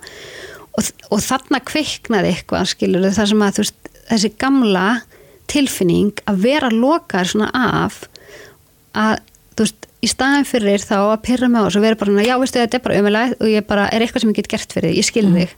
þú veist, og leið og ég breytti þessari hugsun að þá einhvern veginn bara svona bara, eh, þú veist, og ég sagði það bara heiklast við fólk, skilur, já, þú veist, welcome to my life, skilur þú veist, bara, ég er ótrúlega þakklátt fyrir það að þú fáur að upplifa smá brota mínu lífi. Og, og sýsti mín, tvíbara mín ringir í mig eitthvað tíma bara, æ, sorry, Þórin, hérna fyrirgefið að við höfum aldrei átt á okkur á því hversu erfið þetta er. Og þannig að þú veist COVID fyrir mér er miklu mér bara svona lærdómur en þú veist að leifa fólkin í kringum okkar og upplifa hvernig okkar lífi er þú veist, bara með lítið til teskið skilur þannig að hérna ég var alveg að stoppa mig af sko og fara ekki í þess að mí, mí, mí, mí þú veist þetta sem að ég þól ekki þegar aðri gera sko. Þannig að hérna og við gerum þetta öll en það er bara misjáft kunnum að stoppa Já, minna, eða og, ekki. og við líka bara skömmist okkar fyrir að, að bara ég fór bara einhvern veginn í svona tvekja veikna samvinskupits lægð þarna hjá kviknar því bara með einhvern veginn meika ekki tala um neitt þegar stríði í Úgræni var hafið. Já, og ég hugsaði bara, guð minn góður hvernig eigum við bara yfir höfuð að, eiga, að hafa rétt á því að eiga heimili og eiga fjölskyldur og vakna mótana og allt, þegar, allt þetta fólk er í þessum hörmungum? Einmitt En þa þarna kemur það með, við þurfum að huga þarf, þarf, þarf, þú veist, ok, hvað getum við þá gert til að hjálpa, þú veist, hvernig getum við tengt, hvernig getum við hjálpast að, hvernig, hvernig getum við reynda, þú veist, við getum aldrei, við getum náttúrulega ekki upplifa þjáningar annara. Nei og það er líka lína sem að ég fekk að heyra þú veist, í áfallasteyðinum það er mitt að skilja að þú skiljir ekki. Já, og, og þessi setning er eiginlega það sem svona kom mér út úr þú veist, þegar, þegar allir orðin óþálandi í kringu þig Mhm. þegar þú þólir allt í henni engan það er allir asnalegir, það er, bara, það er allt óþálandi, það er allir leiðilegir. Mhm. þegar þú er komin í þennan pakka þá þarftu verulega að skoða sjálfa þig. Mhm. og ég var alveg komin þarna, það fór allir í töðan mér það fór allir leiðilegir, bara þú veist, bara hvað er að ykkur, þú veist, það var engin frábær nema ég, þú veist, og ég var það ekki eins og sjálf Nei, og sjálf. Og hérna og þegar þú ert komið með svona miklu í þér að, að það er bara allt í lífinu ómögulegt stoppaði og fáðu aðstöð mm að því þá er það þú. Það getur ekki verið að það er bara allir í kringunni fíbl og fáðar, það er bara ekki þannig. Og það sem fór mest í töðan á mér var að, að ég þekkti ekki sjálfa mig svona, því ég er ekki svona. Og þarna var alveg svona vendipunktar í því bara ok, þú veist ég verð bara að kynkja stoltinni að ég get þetta ekki lengur, þú veist ég get ekki meira ég þarf að fáðast og, og líka bara svolítið svona að, að svona sættast á það sjálf að einhvern veginn ég var alveg full af fordómum Mhm. skilur, þú veist, ég, ég er með bullandi vefjagikt og ef að þú myndir segja mér að þú er með vefjagikt, þú veist, þá var ég bara svona, já ok, þú veist, hvað maður bjóða þær að gera þess að aðstofa þig en ég var samt, þú veist, ég er ekki með fordóma gagvart því að aðri séu með það ég var með fordóma gagvart því að ég væri með það Mhm. mér langaði ekkert að segja upp á það að ég væri með það sem er meika bara ekkert sens, skilur þannig að hérna ég er allan að æf mig núna í eitt og hálft ár þú veist, bara segja við fólk, já ég er með vefjagikt og já ég er með þetta, já ég er auðrarsku og eitthvað svona. Og bara skammast mér ekkert fyrir það þú veist, það er ástæða fyrir þessu öllu. Mhm. og það er bara álag. Þú veist, það er ekkert annað, þú veist, ef, ef þetta væri ekki svona, þú veist, ég hefði þú veist, farið í gegnum allt þetta í lífinu, þá væri ég ekki á örorku, þú veist, ég væri ekki með vefjagikt, þú veist, ég væri, jú kannski þú veist, maður veit það ekki en, en allt svona sem að sem ég hafa með fordóma fyrir eitthvað sjálfur mér, bara svona, oh, þetta er tjóka þú veist, að að það er bara, þú veist, ég er búin að vera ef það er hægt að segja, of dugleg Mhm. þú veist, ég er búin að fara þetta allt á hörkunni þegar ég átti ekkert að gera það, þú veist, það á enginn að fara neitt á hörkunni, Mhm. þú veist, það enda bara eitt veg, sko. Talandu það, því þú, þú endar síðan á að fá bara í gegnum tengdamömmuðina góða áfallahjálp Mhm. uh, en hvað með Jónsari? Herru, hann hefur verið að fara þanga líka Okay. en En áður, ég minna bara hann er búin að vera veiku síðan hann var lítill, skilur, hefur verið hugað að andleiri heilsunni? nei, sko fyrir mitt leiti þá ættu þessi krakkar, það sem, það sem þú sér, eða bara allir krakkar sem lendi í einhverju, Já. þeir eiga bara sjálfkrafa að fara í bara úrvinnslu, Já. svona fyrirbyggjandi úrvinnslu Já. Ég minna, skattpenningarnar okkur eða bara farið það að við eigum að bjóða upp á fría andlega þjónustu, helbriðstjónustu fyrir börn. Já, líka því að þú veist, læknirinn er alltaf ert að hugsa um þig, þú veist, ert að fara út að labba ert að hugsa, þú veist, bara svona já, en þú veist, þá vantar mér vantar aðstóð líka andlega þú veist, Já. það þýðir ekki bara að fara út að labba Nei. og þeir eru alltaf þú veist, að segja manni, ef maður er að hugsa um sig og hugsa um sig, en þú veist, hvað er hjálpin samt, mm, mm. sem maður fær bara 50% af hjálpinni Mm. og hérna og fyrir mitt leiti er, þú veist, eins og fyrir þessa krakka og foreldrana, þú veist, foreldrana þurfa þessa aðstóð líka. Mhm. Og, og þú veist, eins og fyrir þessa krakka, þú veist, eins og strákana mína að hérna þeir, þeir hefði raunin nátt bara leið og þeir bara kom inn á spítalan og fá þessar greiningar og allt þetta ekki, þú veist, rántlega fáránlega sent sem þeir eru greindir. En hérna þá hefur raunin bara svona, ok, lifi ekki á að dagur þá fyrir við líka bara í nýta tíman, já. þá bara fyrir við líka í viðtalsmeðferð og allt þetta Já. það er ekkert um, það eru sálfræðingar um, á barnaspítalanum og maður þarf svolítið að passa orðin sín þú veist, ég, ég en það, æ, þú veist, þetta er eitthvað bara svona ef maður segir ekki bara hvernig hlutinir eru veist, þá er bara, Það verður að taka út með þér núna. ég veit að en sálfræði þjónustan á barnaspítalarhingsins er bara ekki að virka Nei. um, hún er ekki það sem að við viljum og, og það ég held að séu bara lang flesti sammála um það Mhm.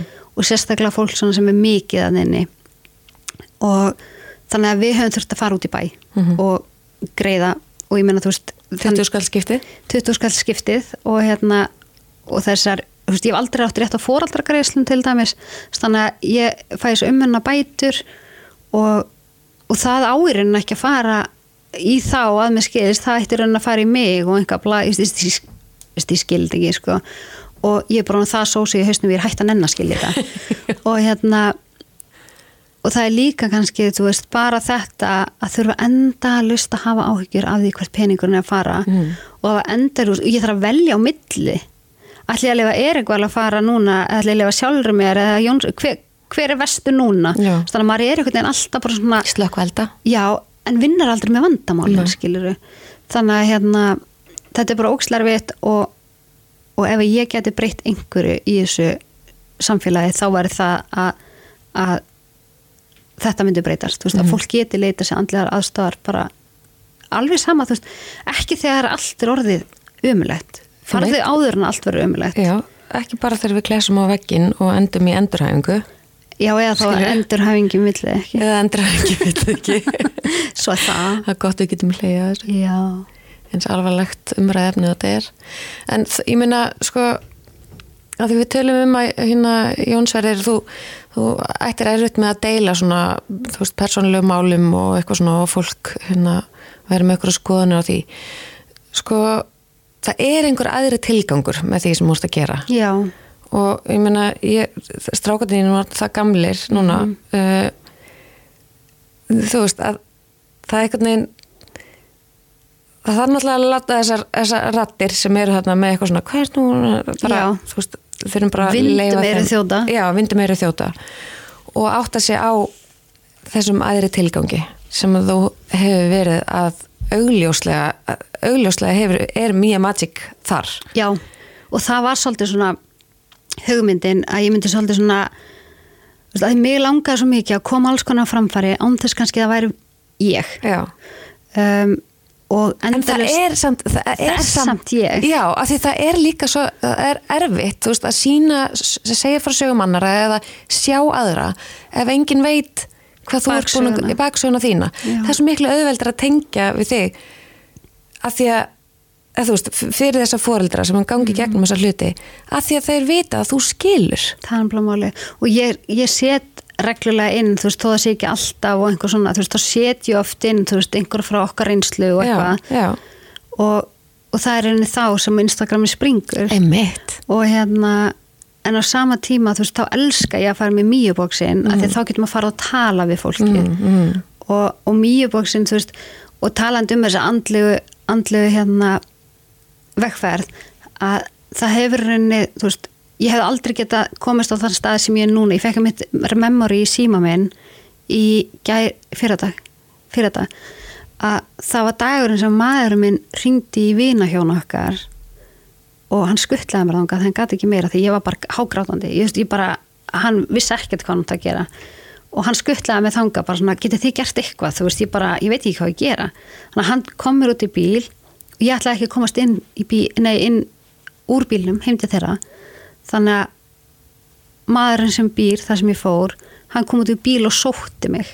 Svo satt ég bara með þeim og spjallaði við þau bara til að ná mig niður skilja því ég var bara, en þá kom líka ljós ég var á röngum kvíðalifum og ég veit ekki, þú veist þegar, þegar ég komst svo alveg á réttan stað ég var svona, ég veit ekki hvernig ég liði þetta af. Þú veist, af hverju ég fór bara ekki. Og hérna, en þá þá svona fer ég að hugsa um mýju og meira svona, veist, svona, og þetta var akkurat þú veist, þannig er ég að undirbúa það að bókin kom út. Mm. þetta hefur þá verið í mars bókin kemur út í april, ég á mjög slæmum stað en það er enn ekki fyrir bókin kemur út og ég fer svona að vinna svolítið í Mía Magic sem, sem ég fer að finna gömlu þórunni aftur og ég fer svona að treysta því að það sem ég sé og það sem ég ger, að mér hefur alltaf fundist ég vera öðru sem allir aðrir, ég er alltaf með aðra hugmyndir en allir aðrir, ég sé hlutin alltaf öðru sem allir aðrir og ég get aldrei rökrætt neitt við neitt að því að, að því ég sé hlutin alltaf öðru sem allir aðrir, þannig að ég hef alltaf bara haldið kæfti og hérna en með mjög einhvern veginn svona fæ ég bara svona svolítið að segja mitt og segja svona hvernig ég sé hlutina og, og mýja er einhvern veginn bara þannig eins og með mýja velunin og svona Já, svo, en, það- þú Já. verður að koma inn á það, sko. já, að þá einhvern veginn bara svona þú veist, þetta er mín svona andlega hvað maður að segja, þú veist, núna loksins er ég svona að róast inn í mér. Já. og ég er svona loksins að finna mig eins og þegar fólk segir bara já, þú vinnur ekki einn dag í lífinu ef þú ert að gera það sem við elskar. Ég er bara svona, hvað er að ykkur? Þú veist, mér alltaf fundist einhvern veginn svona kvöð að fara í vinnuna og kvöð og líka kannski að því að þú veist að því að hausin er yfirlt heima hjá strákanum skilur þú veist, það er kannski partræði líka. En, og mér finnst alltaf einhvern veginn eins og, eins og ég sé að bræðast teim þú veist, ég hef átt að fara með þetta læknis en ég er í vinn, æ, skilur þú veist, þannig að en núna, í fyrsta skipti æfinni, þú veist, nú er þetta bara sjálfbúða vinna, skilur, ég ekkert fá greitt fyrir þetta. En mér líður í alverðinu eins og ég sé loksins á réttum stað í lífinu. Þú veist, ég er loksins að gera það sem er ætlað að gera eitthvað neginn og hérna, og það er með mýverlunin að því að það er allt svo neikvægt í umræðanum heilbreyðiskerfið og ég hef alveg verið það líka. Og ég hef alveg verið í því að setja út á eitthvað og ég hugsaði bara svona, ok, ef þetta er ekki að virka hvað annað getum við gert? Og, og bara það að hafa verið svona mikið inn á spítalanum og fylgjast með hjúgrunarfræðingum og fylgjast með okkar flotti hjúgrunarfræðingum bara brenna út svona, hvað getum við gert til þess að, að þeim langits að gera betur? Hvað getum við gert til þess að, og byrja þá inn á spítalanum til þess að til þess að hérna einhvern veginn gera þetta betra og byrja þá á í rauninni rót vandans. Þú veist, hjúgrunarfræðingunum og sjúkraleganum og bítibúrsfólkinu þú veist, ritrónum öllu þessu fólki að er þetta kannski þannig að við komum kannski bara inn með alla þessa neikvæðni og þú veist, að því að, að því að þú verndar engan jafn mikið á badni ef einhver segir einhvað eða eitthvað sem þið mislíkar varðandi badni, þá lætur fólk heyra það. Og, og þegar þú ert í svona aðstæðum þar sem að kannski eru erfið og eins og bara þetta ég hef sögðum til lendi með Jónsverðir þar sem engin vill einhvern veginn taka ákvörðuna því að hans læknir er ekki á hana og við förum heim um, fyrir tveimur ára, hann var ekki svona skoðaður að það var bara ákveð að þetta var útbrotina og þá kom í ljósa, hann var með allt annan sjúkdóm sem að, sem að þú veist, voru með svona innvortisblæðingum og annað og húðblæðingum og eitthvað svona, þú veist, þannig að hann þú veist, það var, það var frænka frá Svíþjóð sem ringdi í mig bara þó þú var að fara með hann aftur að því ég setti inn á svona lokaðan fjölskyldihóp myndir og, hérna, og það var aðalega fyrir mig sko, þess að setja það inn og, og þá náttúrulega verður maður reyður og maður verður svektur og maður lætur heyri í sér og allt þetta skiluru og, og ég reyndar sko þegar ég verður svona mikið reyð að, að þá þá veit ég alveg sko að ég þarf bara að bakka og ég sendi manni minn í það þú veist að því að ég vil ekki ég vil ekki skiluru missa það Nei. og En mjög eðlilegt að missa það samt. já Það er bara búið að setja barnið þitt í hættu. algjörlega, en maður verður samt líka að passa sig að brenna ekki allt af sér Nei, að því að þú veist, við höfum bara eina spítala Mhm. og hérna og svo sama tíma, þú veist, eins og með mýverlunin að þá, bara svona, hvað getum við gert? Og við fríða fórum sem er með mér í þessu við fórum hérna, og það var einu fyrstu göngutúrun þegar ég var svona eiginlega beðan um að aðtöga hvort hún vildi vera með mér. Að hérna að þá segi ég við hann, ég heldur sem ég langar svo að gera, eitthvað svona velun svona mýju velun, þú veist, það sem við getum heiðra heilbriðistansfólk og einhver svona og ég má þetta alveg. Og og Fríða, ástæðan fyrir því að spurði Fríða þessu er að hún hefur verið framkvæmtastöru og formaða neistans sem fyrir hjartveikbönn og hún er eitthvað svona, já, ég skal bara aðtöða þetta og bara gerum þetta, gerum þetta. Veist, og þetta var bara göngutúr 4. februar í fyrra. Og hérna og í april voru fyrstu veluna afhend og þarna, þú veist, er við þú veist, að setja smá svona pressu á að fólk. Svona já- jákvæð, hvetjandi. já, svona hvetjandi eiginlega bara svona svona umbanakerfi ef maður er á að segja þannig. Bara, mm það langar öllum núna að fá mýjuvelun það langar öllum að fá tilnefningu. Og, og það er alveg sko þú veist, fólki, heilbyrðstalsfólkinu finnst mjög að jafna aðeinslega okkur hinnum, skiljuru og ég átta mig engan veginn á hversu stórt þetta er orðið og hversu stór mýja er orðin, hún hefur hjálpað ótrúlega mörgum og, og bara þessi tvenn mýjuvelun, þeir hafa náttúrulega bara, þú veist, að sjá líka bara, heilbyrðstalsfólk var bara grátandi og ég er bara svona eitthvað, akkur er ekki lungu búin að þessu? Akkur er ekki einhver lungu búin að þessu? Og hérna að að, og að fyrir utan spítalan að þetta er bara Þetta mannfólk. er bara fólk. og hérna, en við sem upp veist, þegar ég er alast upp sem bad að þá áttu maður alltaf að byrja virðingu fyrir þeim eldri. Og maður áttu helst aldrei að mótmæla þeim eldri. Einmitt. og þegar ég er að byrja að fara inn á spítalan þá þorði ég aldrei að svara fyrir mig. Þorði aldrei að segja neitt að þetta var læknir og læknirinn er miklu ofalega heldur en ég nokkuð tíman En og hann þetta er bara fólk sem er alveg eins og við. akkurat Og það er alltaf kerfið sem að þau vinna í sem er, sem er brotið. Það er nefnilega málið. Það er ekki þau Nei, sjálf. og ég meina veist bara, og þessna líka langaði mann svo, veist, að vera, gera eitthvað fyrir þetta fólk, mm. því að flest allt þetta fólk innan spítalans er þetta eru bara saints í mínum augum veist, og, og líka bara það eins og læknir sem við erum með, veist, hann ringir alltaf hann hefur alltaf samband, stundu þarf ég alveg að býða en þú veist, maður fann að þekkja þetta svo fyndi, ég fann að þekkja þú veist, eins og þú veist bara hvernig börnin svara í SMS-um, þú veist, þegar og þú veist alveg hvað kemur svari, hvað kemur næst og eitthvað. Og stundum, þú veist, sendi ég honum eitthvað og ég bara svona, já, mér vantar svo, þú veist, ég veit ekki hvað ég gera og eitthvað svona, ég veit ég fæ ekki svar við hann er ekkert að fara að svara því en ég þarf samt að spurja hann. Já. og, hérna, og ég veit samt alveg einstinni, þú veist, hann er ekkert að fara að ákveða fyrir mig hvort að krakkin er að fyrir skólan eða ekki. Og hérna og svo líka bara, þú veist, ég veit þú veist, ég býð bara róleg þú veist, ef, ef hlutinir eru alvarlegir þá veit hann líka bara að ég fer með hann eða ringi og, og ég veit alltaf, hann svara mér alltaf stundum þegar bara býða hans lengur stundum ekki. Og, hérna, og þetta er svo fyndið þú veist, að, að maður farin að þekka jafn mikið inn á þetta pattern þú veist, og ég veit líka bara svona, já, ok, mánudar, já, hann ringir í mörgla millir svona 5 og 8 þú veist, og það gerist alltaf skilur á þeim tíma. Og, og þetta er svona fyndið hvernig maður svona maður fara að læra inn á hegðun fólks sem þú umgengst ekki einu sinni. Að þetta er bara svo stór hluti af lífinu og þetta er einhvern veginn bara svona eins og Erik Valur, hann var þrefaldur Íslandsmeistari á sunnudaginn í Babintóni þú veist, þrátt fyrir Ú, allt til saman. hamingju. takk. Og, og fyrsta sem hann sagði, mamma ert ekki öruglega búin að senda valdir post og ég eitthvað svona, nei hérna nei, ég er ekki búin að því, já þú verður að senda hann myndir af mér og ég eitthvað svona, já en hann er ekki frændiðin hann er læknirinn okkar og hann bara já, en viltu please? Já. og ég eitthvað svona, já, njá eitthvað. Og svo ringir Valdir í mig í gær og hérna og hann verið með eitthvað að spjalla og svona, já, herði, ég verði eiginlega að segja að Erik Valur var þrefaldur Íslandsmyndari og hann eitthvað, já, eitthvað fannst það bara geggja og ég svona, já, hann baði mig um að senda þið myndir. Og hann fór bara að hlæja eitthvað, þú veist, og ég var alveg gert það. Og Erik Valur hefur sendt hann bara sjálfur úr mínu meili og svona, en þú veist, þarna sérðu bara þú veist, og ef það er eitthvað þú veist, eins og Jónsverður ringir í mig áðan bara, herri, já, þú veist að ég var að hósta og kom smá blóð og eitthvað. Getur þú látið vald til vita? Og ég var svona, nei þú veist, við skulum sjá hans til hvort það hafi verið bara eitt skipti eða hvort það verið aftur og já, getur svo ringti valdir og ég bara svona, oh my god. Þú veist, ég er alltaf átt að mig betur og betur og betur á því að þessi maður er, og, og Sigrún til dæmis, hjúgrunarfræðingur þeirra, þetta er í rauninni bara svona partur að þeirra, já, og partur Já. að þeirra neti. Mhm. og hérna og þeirra öryggi. Og, og, og mínu öryggi þú veist.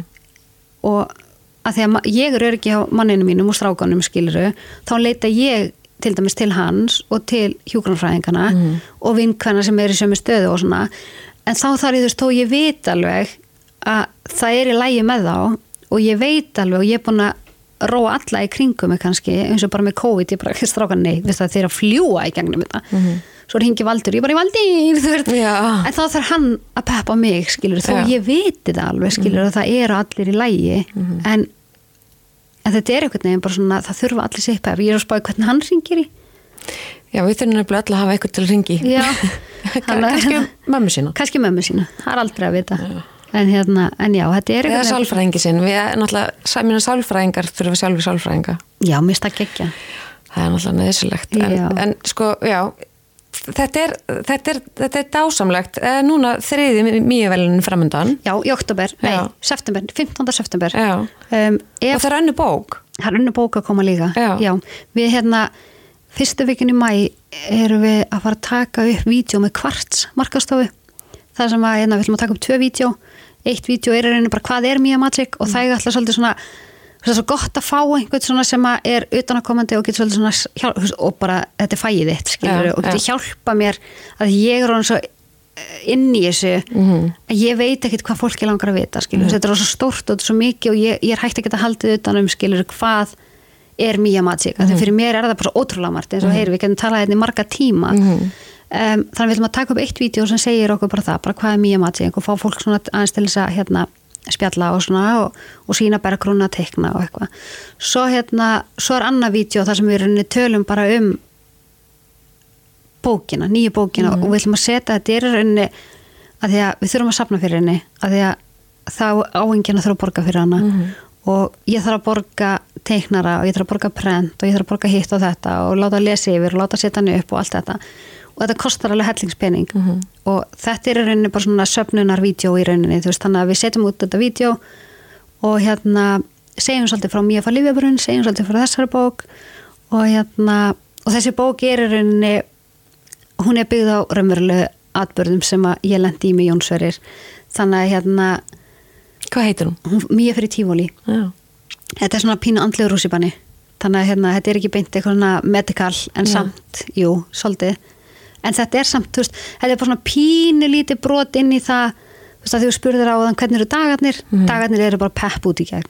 Þú veist, maður er endalist bara að peppa eins og Peppa Jónsver er svo núna og hann ringir, skítrættur, akkur er ég að hóstu blóði? Og ég er bara, já, já, þetta er bara þetta er bara flott, hérna þú bara sendir mig mynd ef þetta gerist aftur. Og hann er já, ok.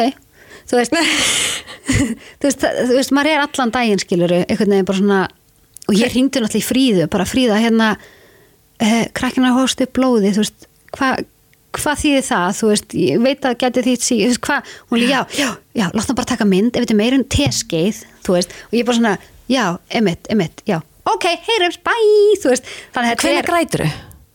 aldrei. Að þú veist, þegar ég var á raungum kvíðalifjum að þá gerum við, bú, Ok, en þannig að muni bara þegar dagurinn er búinn, skilur, og þið eru alls sofandi, þú ert auðvitað ennþá vakandi, sofandi eitt klukkutíma. já, stundum koma Nýbrarðið aldrei saman og grætur. nei, ég leiði mér það ekki Ok, getur þú please? Já, ég horfði á Bridgerton heila seríu í nótt hún geggja, sko þá svona nægi að gleyma mér, þú veist, þá er maður ekki að hugsa Já, því að uh, höfuð á þeir er bara... Já, og, og ég næ aldrei þessari ró, skilur, þó ég sé að horfa á eitthvað, þá þarf ég að halda á símanum, ég þarf að vera að gera eitthvað, þú veist, ég þarf að vera, veist, ég, ég get, þú veist, ég næ ekki svona að bara setjast niður og einbeta mér, þú veist, það er, ekki, það er ekki til, þú veist, þá er ég bara í tölvunni að skrifa eitthvað, eða þá ég er að, mér finnst rosa þægilegt til dæmis, ef ég er að horfa á eitthvað, að þá er ég að vinna myndir á meðan, eða, þú veist, dúlla mér eitthvað, þú veist, búa til eitthvað, Já, þú ert náttúrulega ávirk, ég snar á mig, sko, en hérna... Það hjálpa nú örugglega ekki til í svona Nei. aðstæðum. Eða hjálpa til. Ég meina, mögulega eina af ástæðanum fyrir að Mía er, er, er, er raunin, eða þú veist, er, að hún er þarna, Já, er meðal annars áverknið þín. algjörlega og þú veist, ég þarf alveg að stoppa mig af sko í, í, í gerkveldi eða í nótt þannig að þú veist, í miðjum Bridgerton þetta þá var ég búin að setja pása, þetta var gæspennandi en ég fekk samt hugmynd hvað við gerum bóli eða hvað, svo bara þórin það er nóg annað í Já. gangi stoppaði, Já. þú veist en samt var ég komin aftur eftir 20 myndir í eitthvað, þú er bara, já þetta er líka En það er aðri tilgangu með þessu. Já. Ég meina, strákarneginu vita það ekki. Jú og þeir eru alltaf tilbúinir til að hjálpa mér og Já. alltaf tilbúinir þú veist eins og ég spyr þá þú veist og ég er þá kannski líka þannig upp sko, ég er alveg þannig upp það er alltaf alltaf svolítið lindamál um, það má okkur neina aldrei neitt vita neitt og, en ég, og ég hef alveg fengið Akkur ertu að tala um þetta? Já. Hvað heldur að fólk segi? já, ekki láta börnin heyra og ekki láta börnin heyra og eitthvað svona og ég er bara svona, ok ég er að segja þér bara nákvæmlega sama og við vorum öll saman inni hjá lækninum Mhm. þeir heyrðu þetta allt Mm. um, af hverju má ég þá ekki endur taka það Mhm. þó þeir heyri það og, og, það og ég held að fólk fatti heldur ekki að það er rosalega oft sem ég fer ringir, eða þú veist, fær símringingu frá lækni eða þá ég fer ein Mm. og þeir vita það ekkert Mhm. þeir vita ekkert alls konar hluti sem að ég er ekki en nú er Jónsur að vera átjónar hann, Mhm. hann kann alveg að googla sko Mhm. Vist, ég veit ekki alveg nákvæmlega hversu mikið hann veit en það sem að aðrir fatta kannski ekki, þú veist þó sem við segjum að tala um alls konar hluti og fólk bara, guð ekkert að tala um þetta Mhm. um, fyrir okkur er það bara ekkert mikið Mhm. skilur fyrir okkur er það ekkert að ég veit það ekki þú veist, við erum með svo allt aðra, allt annað limit kannski heldur en margir aðrir þannig að En ég, ég trúi náttúrulega bara á að tala saman og opnara samfélag og ég líka. ég meina, trúði mér, ég hef alveg fengið ávítur frá fjölskyldum meðlum um, það, akkur þarf að vera að segja frá þessu? Já, já, uh, vegna þess að það er fyllt af fólki að núti sem að tengir við það mm hvernig mér líður. Og fyrir vikið þá eru þau ekki einn nei, og þú far líka. Ég fæ líka viðkynningu á þannig að veist, þetta er bara þetta er sameinlegur hvað að segja sameinlegur hagsmunir Já. og sameinlegur ágóði að við tölum saman um hvað við erum að gangi gegnum og tengjum við eitthvað annað og mér finnst líka sko þó að mér finnst kannski einhver sem þú segir ekki kannski, þú veist, ég tengi ekki við það Nei. og ég er bara svona, já, en þá fullt öðru Já. en það er ekki mitt samt að dæma það Nei, einmitt, og það er þetta að gera öllum til geðs það er ekki hægt og, og, og líka það, þú veist, nú er ég einengja týpuri og það haldi allir við sem nákvæmlega eins. Hún flytur Erlendi 17 ára. Ég bý hér, ég er búin að gangi í gegnum það sem ég er búin að gangi í gegnum. Hún er búin að gangi í gegnum það sem hún er búin að gangi í gegnum. Hún er í öðru landi þannig að það er annað veðufar Mhm. þú veist, þá eldist maður ekki eins heldur, þú veist. Og, og samfélagi sem við búum í það, það mótar okkur líka. Mhm. og, og það gerur okkur aðeins ólíkara heldur en kannski við vorum. En en þú veist, á sama tíma eins og ég sagði eitthvað tíma við valdir, ég sagði við hann þú veist, þetta er svo ósangjant að ríkið, þjóðfélagið, það er, það er að refsa mér fyrir að bera eitthvað ákveð gen Mhm. á meðan, þú veist, að því að nú erum við eininga týpurar Mhm. og og meðan ég sit alltaf svona eitthvað niðri þá fyrir hún upp mm.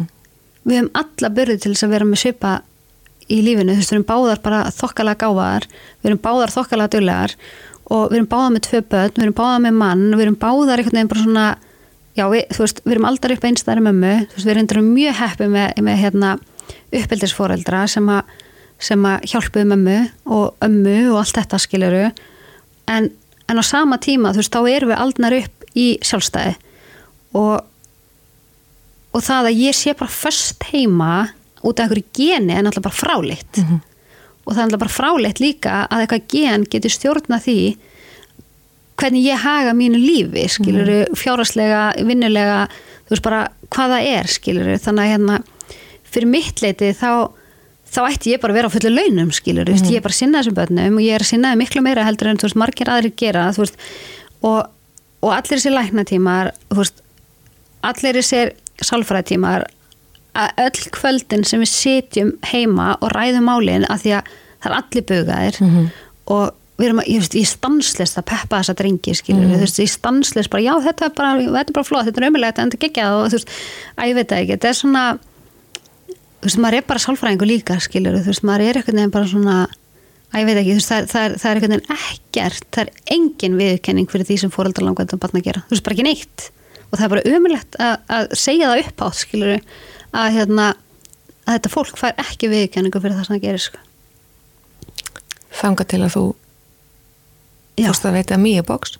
já, þá Það var þetta að sjá þau. Já, þá, og þá líka finna þau fyrir því, skilur ok, það er einhverja núti sem sér og veit hvað er um að gera og, og fattar alla næturnar sem við sofum ekki og fattar þú veist, að ég bara fattar þessa vinnu veist, eins og bara það, þú veist, við hittum fólk um daginn það sem að þau hafa bara 15 mínúna ramma, þú veist þess að gefa lifin þrísvara dag.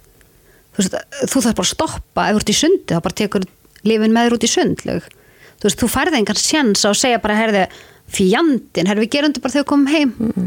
Þú veist, það er svona það er svona hluti sem fólk átt að þessi engan veginn á og allt það sem gerist innan vekkja heimilisins, allt, þú veist svona já, þetta er einhvern veginn bara svona maður þarf einhvern veginn alltaf stanslust að vera til staðar og það er bara ótrúlega líjandi. Mhm. Það er bara ótrúlegt álag að vita að þú þarft að vera stanslust til staðar, ég er með sjö mist kól, bara núna til að við erum að mhm, þú veist, ekki náttúrulega bara fyrir strákanum en bara svona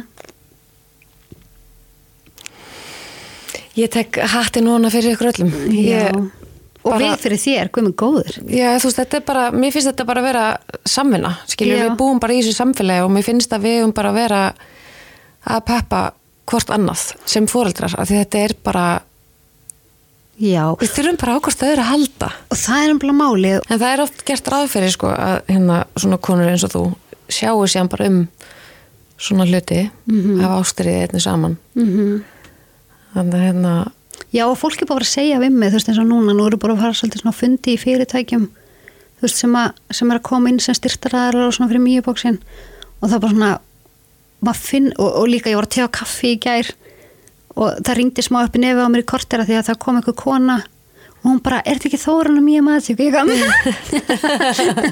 að það var, ég var bara svona hm, þetta var alveg svona moment sem ég var bara svona, já ok, þetta er en ég held. Þannig að hérna, og þá segja allir einhvern veginn bara þetta er bara faglegt hjá þér og ykkur. Og maður sér bara ástriðina í þessu. og, en ég sé hann ekki að þetta er bara ég já, þú veist, ég sé ekki hvað fólk er að tala um að því að ég er bara svona, já, nei, þetta er bara ég þú veist, þetta er bara já ég fríða og tengi við þetta sko. Mér finnst bara, bara svo horfum til þeim ringskonur sko sem hafa verið að sapna fyrir tækjum og svona nýra á, á spítala. Mhm. Þú veist, þetta er eitthvað svona afl af einhverjum konum, hvort sem það eru einar og það er nú yfirleitt saman, skilur Mhm. og ég meina margar konur í, til dæmis kringu þig sem að eru peppa og, og hjálpa til og vera með og svona að þetta er ofta að gera góða hluti í samfélaginu án þess að, að það er svona bara einhvern veginn gert ráð fyrir að þessar konur sé að standa í þessum hlutum Já. og helst ekki að fá náttúrulega borga fyrir það nei, nei, en það, við viljum samt öll hafa þetta í samfélaginu það er nefnilega máli og það er líka svolítið held ég það sem að kviknar er Mhm. þú veist, við viljum all hafa þetta en þetta er sjálfbáðvinna Já. og það er þetta sem er bara svona af hverju ok, nú er ég kannski að fara smá hættilega, af hverju eru svona þú veist, að nú er ég búin að vera svolítið einbindum að þessu og, og ég fæ stundum smá svona oh, þórin þú er ekki að setja upp á þetta en af hverju eru svona miðlar sem hafa tilgang sem að hafa einhvað sem hafa veist, sem hafa í alvöru málefni af hverju fá þau alltaf minnsta aðtigli þú veist, kannski ekki beint aðtigli en þú veist, þau fá samt svona þú veist, af hverju er ekki fréttamilnar að pikka það annarslæðið upp? Af hverju má ekki vera flóran? Já, af hverju, megu, af hverju má ekki kviknar akkur getum við ekki öll verið? Já, af hverju er þetta alltaf svona sama Nó er nú oft um gúrkutíð. Já, að ég veit ekki, þú veist, mér finnst bara svona eins og kviknar og, og eins og svona, þú veist, sorgamiðstöðin og eins og, þú veist, að það er svo mikið af ótrúlega flottu í gangi og Það er svo mikið að baráta fólki að núti Já, og það er svo mikið af flottum einstaklingum á bakvið þessa hluti en samt eru viðtölun alltaf við sko, við ráðherrana og við pólitíkusana, af hverju má ekki líka heyrast aðeins í fólkinu sem er umverulega að berjast í þessu alla daga, þú veist, hverju en svo fá, fá ráðherranir og, og pólitíkusana, þeir fá fá krediti samt ef að þeir tala um eitthvað ákveð málumni einu sinni, en við sem erum stanslist að tala um þetta og, og stanslist einhvern veginn að bara slíta okkur út fyrir eitthvað ákveð málefni, við fáum ekki neitt. Æ, nú er ég komin að hættulegasta Eh, Bara eins og annað, það þarf að segja það. Já, það þarf að gera það Ég spáði að höra í frambóð eða eitthvað. Já, ég hef með tugsað það. Ég var með beðin og komið frambóð Já, ekki ég. Nei, já, ekki, ekki ennþá, það kemur. Uh, ég, hérna ef, held, ég held að ef eitthvað uh, mun brenna okkur út þá er það frambóð Já, ég held að, ég held að það sé að svona að- síðasta sem við ættum að gera. Ég, hérna, Ég held að þessi nóg um það sem við erum í. Ég er bara ekki, ég er alltaf mikið mús Já. til þess að fara í frambóð ég, Ekki ég sko, ég held Nei. ég geti nefnilega alveg rifi kæft og, og, og staðið á mínu sko Eða sko, ég gæti það sko en, en það verður svona þreim fjórundum eftir ég er búin að fá að melda það sem var sagt og þá kem ég með af hverju sagði ekki þetta Þá er of seint. Er of seint, þannig að þá er fuglinn flógin þannig að Já. já, ég þurfti að fara á okkar námskeið ef ég ætlaði í frambóð sko. Nú erum við komin með tvekki tíma þátt Oh my hefði geta verið miklu lengri sko Mhm. en við verðum að hætta í dag allavega þangur til næst. Er eitthvað sem þið langar að segja í lokin með alla foreldrarna sem eru að hlusta? Já, í rauninu bara, þú veist, þetta er alltaf sama tukkan skilur, hugsaðan sjálfa þig. Þú getur ekki sagt þetta þú gerir það ekki sjálf. Ég er aðeins að æfa mig. Ok, nú vil ég fá inn á Mia Magic uh, eitthvað tíman á næstunni á næstu einu, tveim mánuðum. Uh, þar sem að þú sýnir frá því hvernig þú hlúur að sjálfur þér. Ég gerði það samt, ég gerði það ég gerði það eitthvað tjónum daginn þá fór ég ég fór hérna ég fór í fótsnýrtingu ok, til hamingju. Já, ég skil ekki að hverju ekki lengur búin að fara þetta að gegja um, og svo fór ég út á sunnudaginn eða lögadaginn eða sunnudaginn í rigninguna og sópaði stjættina mína og bara þessi litli partur. Bara vera ein úti að sópa stjættina mína í grenjandi rigningu þá bara geða veitt sko. Já, þú tókst ekki síma með þér Jú, ég þurfti náttúrulega að taka mynda þessu, annars gerist það ekki. Þú ert indisleg sem við leiðis. Takk fyrir að bjóða mér. Já, takk fyrir að koma til mín. Ég, hérna Ég þykki virkilega væntu það, já. Og ég hlakka til að sjá þetta blómstra enn frekar. Ég er mjög stolt að þér og þakklátt fyrir, fyrir. þig. Og, og ég veit að það eru mjög margi fóldrat úti sem eru jafn þakklátt fyrir þig og enn, enn meir örgulega heldur en ég. Já, og við stöndum við baki á þér Þú mátt alltaf ringi mig ef þú þarft Ef að gráta eða ekki get ég gert eitthvað takk fyrir. Já. Ég ætla líka að gefa þér mýjubangsan út í bíl. Nei, Jú. nei, Jú. Hann hérna, litli, litli gormurðin þarf að eignast mýjubangsan. nei Jú. Já. Eiginlega sko. Ég dýrka þig. Takk fyrir að vera til og, og haldið áfram með aðri tilgangin, þú og þínir þrýr karlmenn í lífinu Og Fríða.